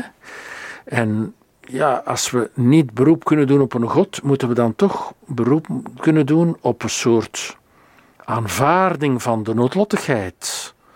Wat niet wil zeggen dat we daar passief moeten in zijn. We moeten daar ook met onze wetenschap proberen zo goed mogelijk weerstand aan te bieden, maar weten toch ook dat dat ook altijd maar deels is. We sterven ook altijd. Soms zijn we wat ouder, graag. En soms weten we het nog, graag. Maar het loopt niet altijd perfect hoor. Het leven is een gedoe. Hè? En dat lijken we soms niet, niet. Dat komt nu met die corona erg naar voren. En dan inderdaad zeggen van ja, maar het kan ons niet schelen. We doen gewoon zoals altijd en we, leven van de vrijheid en we zullen dan wel zien. Of het is een geschenk van God, het virus. Hè? Ik heb. Uh, ja, ook natuurlijk als psychiater komt men dat tegen. Een aantal patiënten die, die dat ook zo van overtuigd zijn. Dit is een geschenk van God. Geen straf van God, hè? maar een geschenk van God. Ja, dat is ook als men met de goddelijkheid bezig is een rare hypothese natuurlijk. Dus ja, je hebt mensen van zo. Het is voor mij een pleidooi om bescheiden te zijn, om de geneeskunde ook te zien als een wonderlijk gegeven dat heel veel kan, maar niet alles kan. Om te zeggen van kijk, soms schieten we tekort en kunnen we niet, hebben we geen directe oplossingen. Dat is toch de boodschap.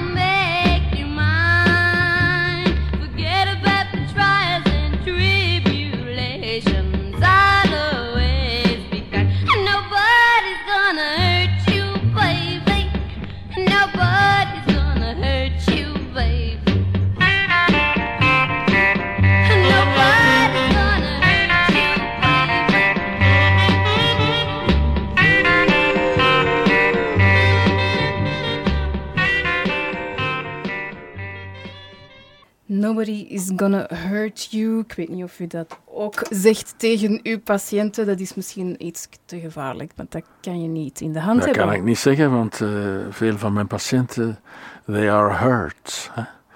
Dat is toch een van de problemen, dat veel mensen gekwetst worden door... Uh, ja, En hurt people hurt, zeggen ze dan ook in het Engelstalige gedeelte van deze planeet?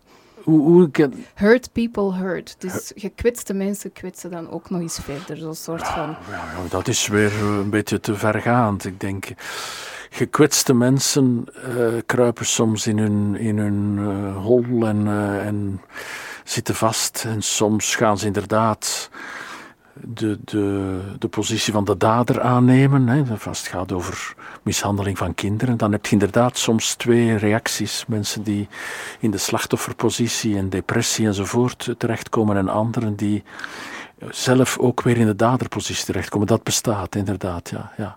Maar een algemene regel is dat niet. Ik ken vele gekwetste mensen die, die hun wonden likken en proberen te leven met de littekens. Hè. Dat, uh, ja. Als psychiater heeft u ook een uh, artsenopleiding achter de rug. Ja. Dat is zeven jaar. Ja. Um, maar de boeken die u schrijft gaan niet over onze neurologische verbindingen of over uh, de farmaceutica die we kunnen hanteren.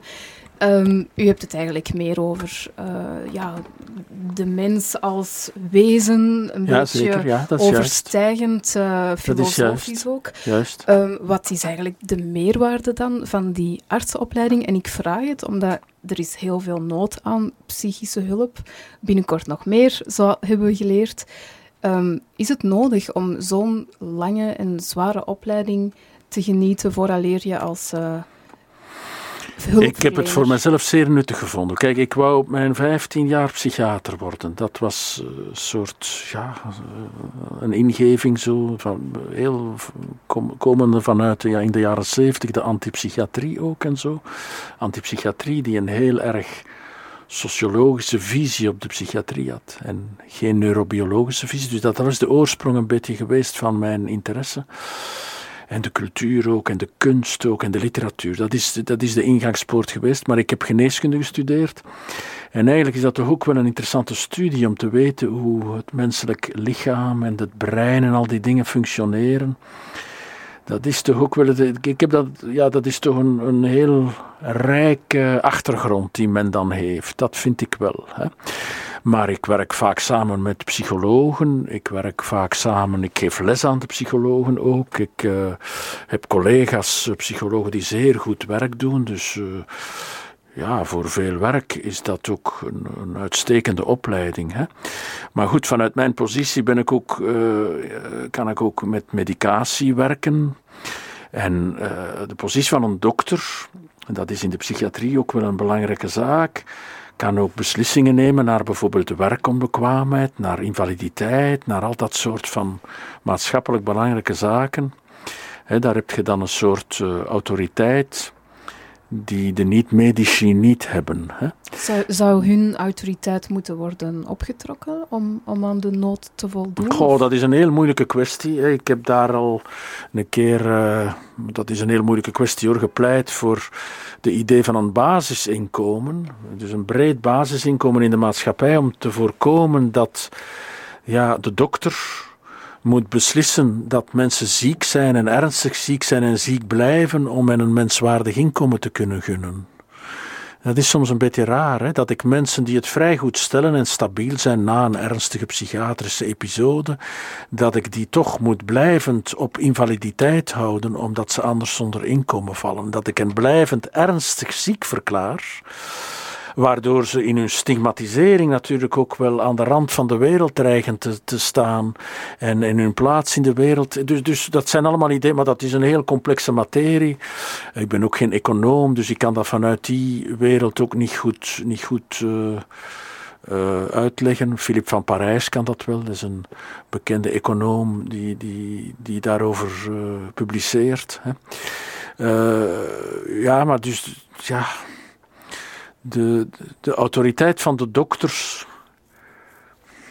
Zou u, zou u een andere psychotherapeut geweest zijn, moest u niet die um, doktersopleiding hebben gehad? Maar ik wou de doktersopleiding. Hè. Bij, eh, wel, ja, maar dat is ook weer een verhaal. Ik, wou, ik was eigenlijk gefascineerd door de psychoanalyse op... Uh, toen ik, voor ik geneeskunde studeerde en ook tijdens mijn opleiding geneeskunde. Ik had voor ogen dat dat eigenlijk het parcours was dat ik ging volgen. Omdat ik via de literatuur heb ik heel veel, eigenlijk een beetje abnormaal veel, psychanalytische publicaties gelezen. Als student geneeskunde al. En heel veel filosofische en naar de psychoanalyse leunende filosofische publicaties van de continentale filosofie, zoals men dat zegt, en de Franse filosofie. Maar dan ben ik in mijn eerste jaar uh, assistentschap, dus na mijn geneeskunde, ben ik dan mijn leermeester tegengekomen. Dat was in Brugge, ik was assistent in Sint-Jan in Brugge. En ik, eh, ja, ik kom daar een psychiater tegen die diensthoofd was en dus ook eh, ons opleidde. Hè. En dat was een systeemtherapeut. En daar ben ik uh, heel erg door hem, door, door zijn persoonlijkheid, door zijn manier van werken, door hoe hij dat aanbracht en zijn onwaarschijnlijke belezenheid ook. Hij heeft er dan voor gezorgd dat ik uh, na dat opleidingsjaar in Parijs assistent kon zijn. Dat heb ik aan hem te danken. Ja, en dan ben ik helemaal in dat systemische terechtgekomen. En dat heeft mij nooit meer verlaten. En dat heeft natuurlijk dat, ja, maar goed, het zou ons te ver leiden. Dat heeft dan natuurlijk heel erg te maken met die sociologische visie die ik op de mens ook heb. En ook de filosofische visie die heel interactioneel is. En die ook pas later in mijn traject ben ik heel erg bij de Frans-Joodse filosoof Emmanuel Levinas terechtgekomen. Ja, zo is dat allemaal gegaan. Dat gaat over ontmoetingen. Mm toevallige ontmoetingen en zo, zo gaan die zaken. En ik, ik heb dan zelfs in mijn eerste assistentenjaren mij heel erg afgezet tegen de psychoanalyse. Ik ben een stukje bij, gaan behoren tot een Nederlandse school van de directieve therapeuten. Niet helemaal hoor, maar een stukje ook. Hè, die zich heel erg uh, tegenover de psychanalyse hebben gezet. En daarna, via de narratieve therapie, is dat dan weer, weer toch veel genuanceerder geworden. En ik ben dan, mij dan heel erg gaan interesseren, van jongs af aan, maar de laatste jaren opnieuw voor de filosofie. Als, als bron van inspiratie voor het therapeutische werk. Hè. En ik heb lang mogen samenwerken met uh, mijn goede vriend uh, Sam IJsseling bekende filosoof in Leuven, die ondertussen overleden is, maar we hebben samen lang een seminarie gegeven. En dat heeft mij ook heel erg uh, gestimuleerd om na te denken. Weet u welk parcours u zou aanraden of adviseren aan jonge mensen die graag, zoals u, mensen willen helpen, maar niet per se. Wel, ik zal u zeggen, dat is heel persoonlijk nu, hè, maar het is ook geen geheim, maar mijn zoon is psychiater. Is te zeggen, is zijn laatste jaar assistentschap nu bezig. In augustus heeft hij gedaan. Heeft hij dus zijn zeven jaar en zijn vijf jaar achter de rug. Dus ja, voilà. Dus, uw vraag is heel praktisch zo. En mijn zoon is erg geïnteresseerd. Echt, ja. Ik heb het verder ook niet, niet in de hand gewerkt. In de psychoanalyse. En volgt ook die opleiding en is daarmee bezig. Dus u raadt in feite hetzelfde aan. Laat mensen los. Ja, maar nee, ja, maar alsjeblieft. Ik laat mensen los om hun eigen weg te zoeken. Hè. En ik ben, ben bezig met mijn zaken. En ik hoop dat het jonge mensen kan stimuleren. Dat het jonge mensen kan stimuleren om zich te engageren. Engagez-vous, Stefan Hessel. Hè. Zeker van indignez-vous, engagez-vous. En dan ook wel, waar ik ook voor sta, is voor een heel therapeutisch werk. Om het niet alleen neurobiologisch, maar als mensen in het neurobiologische zich waarmaken, dat is een heel boeiend terrein van de geneeskunde. Hè? De genetica en de, de, de, de, medicatie enzovoort. Dus als mensen daarin hun gedrevenheid vinden. Ik pleit heel erg voor gedrevenheid, voor iets te doen waar dat je voor gaat. Hè? Voor, voor de wereld. Uh, ja, dat klinkt heel naïef zo, hè, maar om de wereld beter te maken. En als je zo lang kunt studeren, moogt studeren, als de maatschappij u toelaat om zo lang te studeren, dan vind ik dat je een verantwoordelijkheid hebt om daar iets voor de wereld aan terug te geven. Hè. En ik zou jonge mensen absoluut niet aanraden om dat of dat of dat te doen. Ik zou ze erg vrij laten en ze mogen zich inspireren aan wat ik schrijf of zeg, dat mag. Maar ze mogen daar hun eigen gedacht van vormen. Hè. Zoals mijn zoon ook gedaan heeft, zo mm. blijkt. Hè. Oké, dat uh, was inderdaad een praktische vraag. Um, ik zou graag, voordat we zodra ook gaan afsluiten, nog even verder hebben over um, het stuk in uw boek, of ja, uw boodschap eigenlijk, dat u geregeld aanhaalt. Dat is die kicks. Hè, daar hadden we het al even over, maar ik heb daar ook een heel toepasselijk nummer voor klaar liggen, dus ik wil het daar zeker terug over hebben. Um, ik haal even een quote. Eerst was genot zondig, toen werd het toegelaten en nu is het verplicht. Juist, ja. ja. Die vond ik wel grappig. Ja. Um, ja, nu is het uh, misschien even terug kort over dan die, die pandemie. Hoe beleven mensen hun kiks nu? Heeft u daar enig zicht op? Of staan de kiks on hold? Of? Uh, nee, het blijkt dat de kiks in de verborgenheid fors uh, doorschieten. Hè. De gezinsgeweld, partnergeweld uh, is een groot probleem. Dus eh, de kicks in, in de letterlijke zin, they kick. Hè? They kick each other. Dus, dus eh, ik denk dat er ook, voor zover we dat zicht op hebben, veel drugs gebruikt worden en veel drank gebruikt wordt in die verborgenheid. Ja, dus dat een aantal, dat zoekt zijn weg. Hè. Er, wordt, eh, er zijn ook toch wel wat seksuele grensoverschrijdingen die heersen in die, in die beslotenheid die ons opgelegd wordt. Ja, je kunt de menselijke impulsiviteit door een lockdown niet wegnemen. Hè? Dat is trouwens ook niet de goede methode. Hè? Ik, uh, ik pleit niet voor een lockdown als oplossing voor de wereld. Men zegt soms, ah, nu is er verstilling en nu zijn we ecologisch beter bezig. Ja, maar dat is niet de methode. Hè? Dat moet bottom-up vanuit de mensen zelf met goesting en op een plezante manier tot stand komen. Niet omdat een of andere minister zegt dit of dat mag niet. Hè? Maar het is wel iets dat u ook voor uh, COVID uh, zeker en vast um, aankaart. Dat ja. uh, de, de, zoektocht naar, naar de eeuwige kick. En toch lopen we allemaal, we willen allemaal genieten en toch lopen we allemaal ontevreden rond. Het ja. is wel een, een triest, uh, bijna ja, toch wat sinister beeld eigenlijk. um, de vraag is wat, is, wat is het alternatief? Want we hebben we, de vrijheid, een ongekende vrijheid. Hoe moet, moet dat dan ingeperkt worden? Ik denk dat het een schijnvrijheid is ook. Hè. Het lijkt alsof alles kan, maar als het erop aankomt, is het alleen maar te koop ook. Het is ook zoiets. Hè. Die kicks zijn, zijn koopwaar. Daar wordt goed aan verdiend. De vraag is of dat, dat allemaal zo vrij is. Dat, dat is mijn kritiek daarop. Hè. Dus wat is, ja, maar de oplossing. Kijk, ik, ik, mijn maatschappijkritiek is hetzelfde als wat ik in mijn therapeutisch werk doe. Ik nodig mensen uit tot een gesprek. Ik wijs op problemen. Ik zeg van, goh, maar is dat toch niet een probleem? En hoe zit dat en hoe gaat dat enzovoort. En dan hoop ik dat ze zelf beginnen nadenken en zelf tot oplossingen en veranderingen komen als ze dat al wensen. Hè.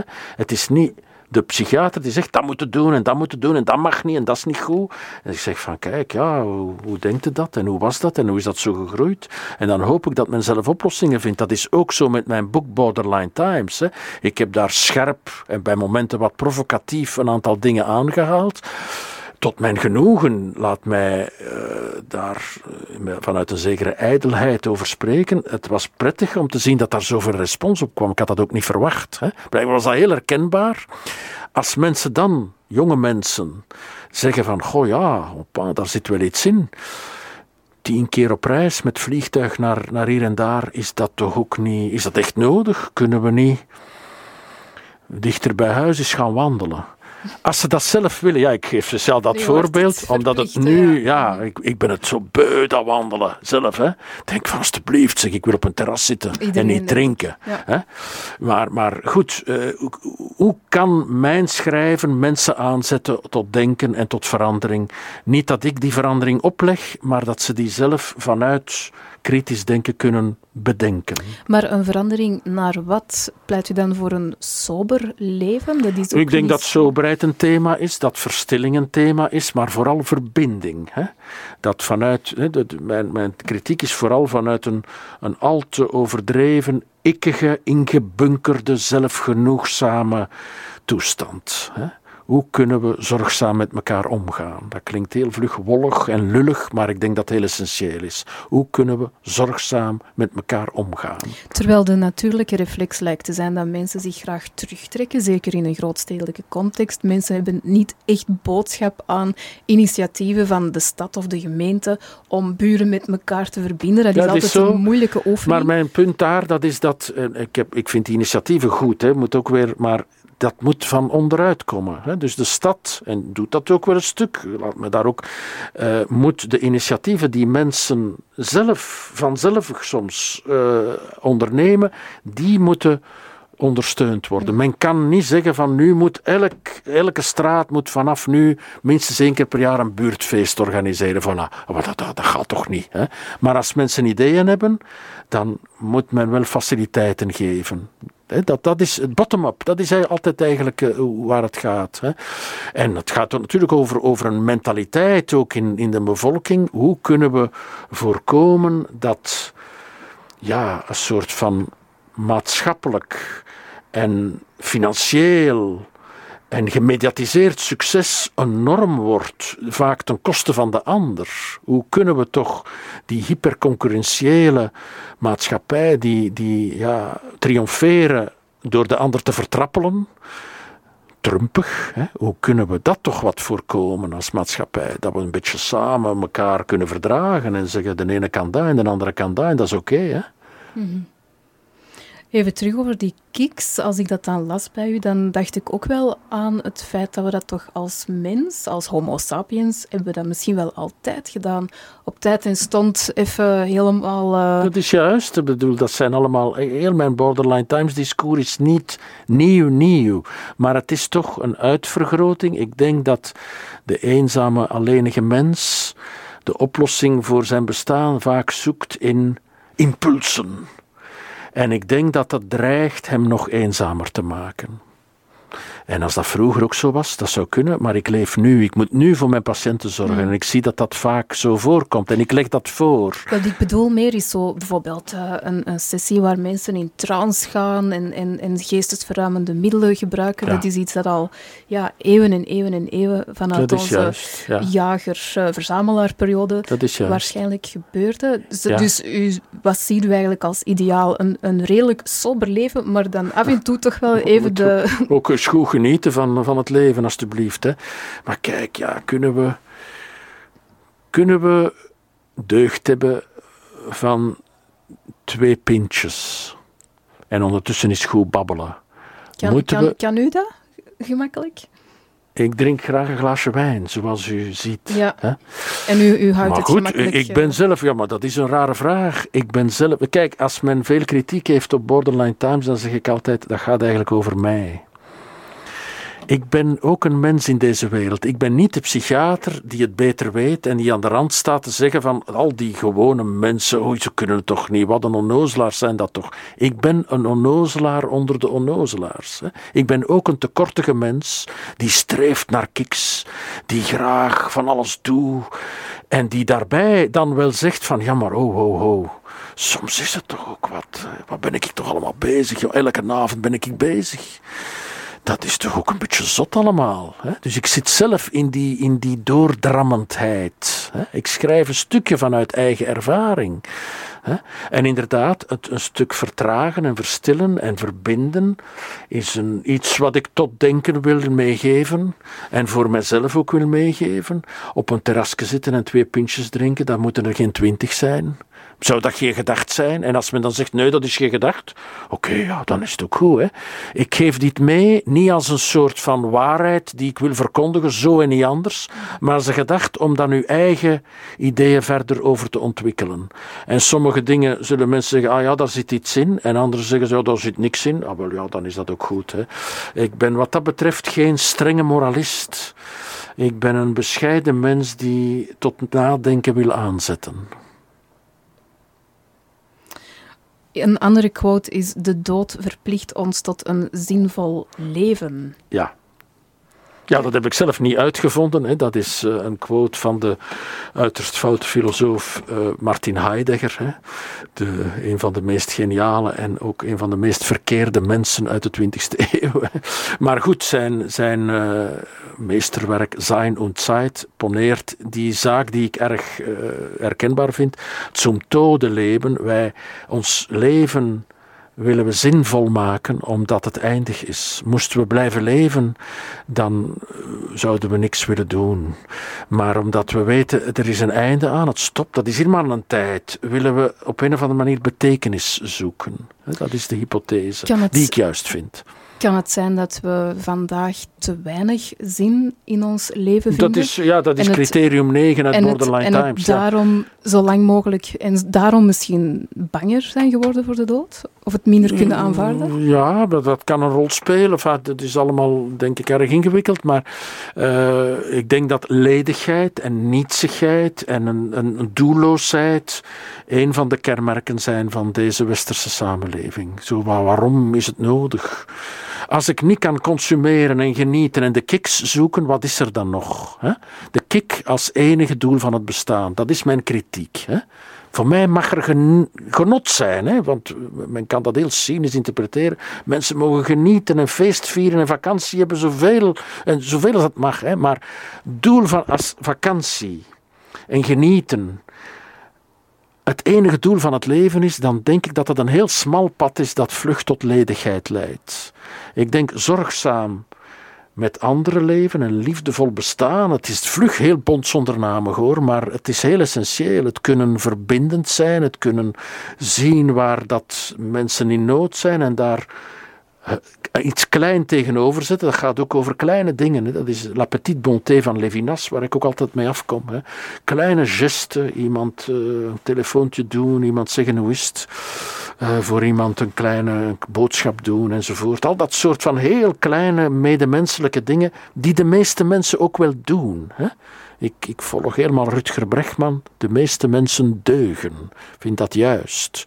Probleem is dat de ondeugenden het vaak verder schoppen. En dan al die deugende mensen zeggen wat ze moeten doen. Macht is iets heel corrumperend. Het is een groot probleem. Hè? In die zin is de democratie een goed systeem die die macht toch een beetje probeert te dilueren en, en, en te verdelen. Hè?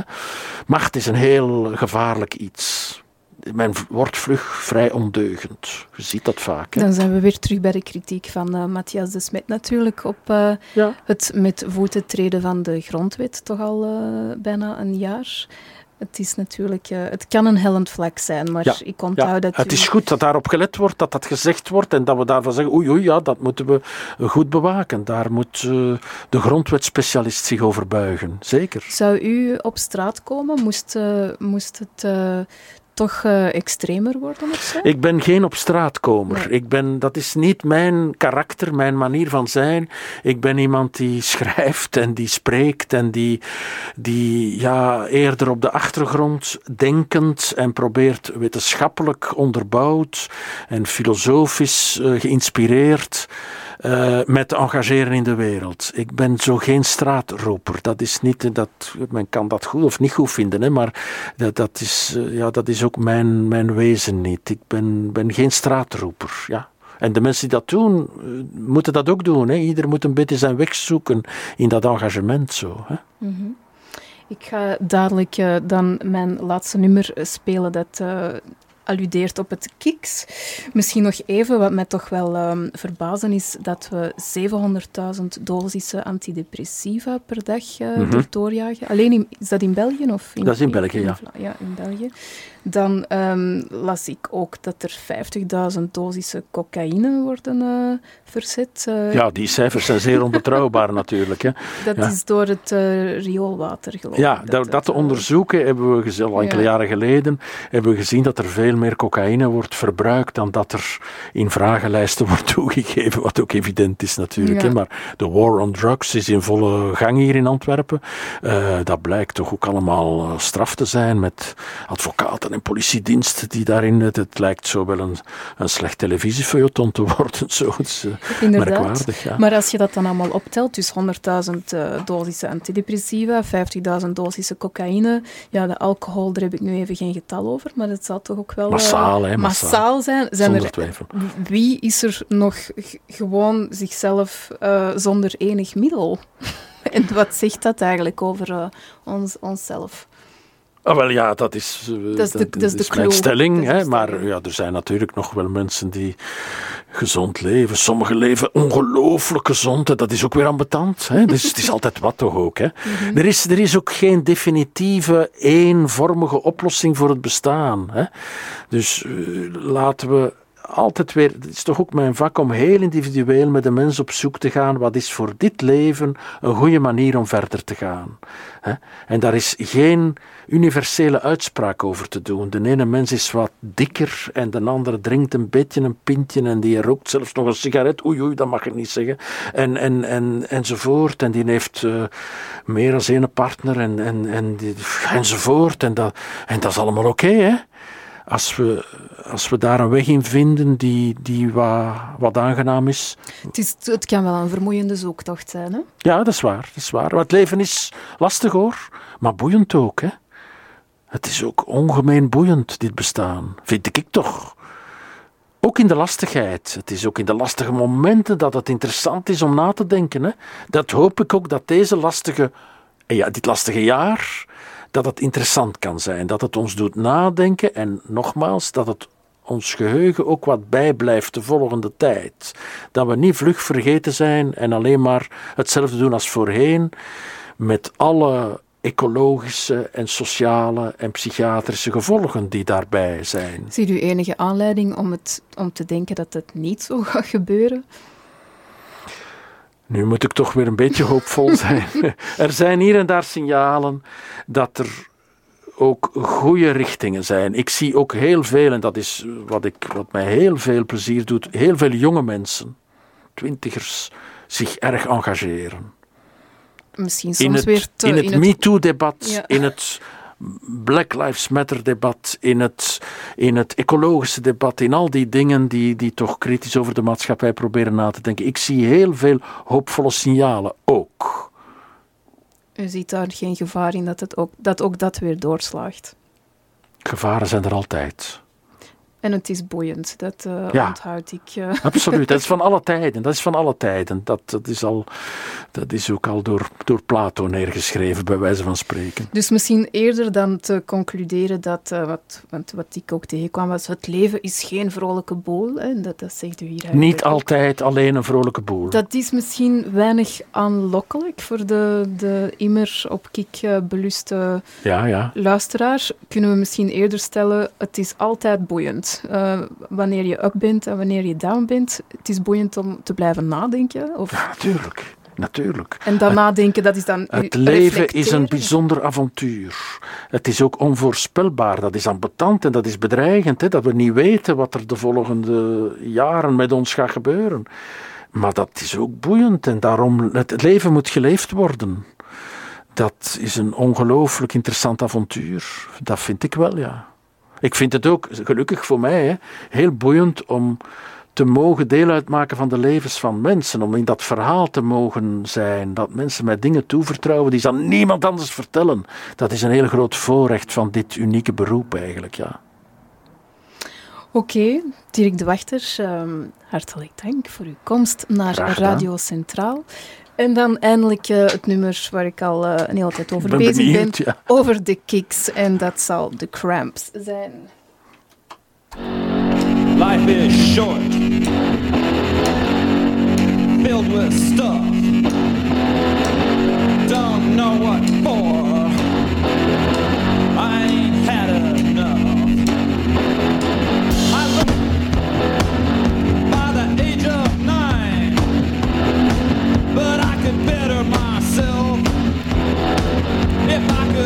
If I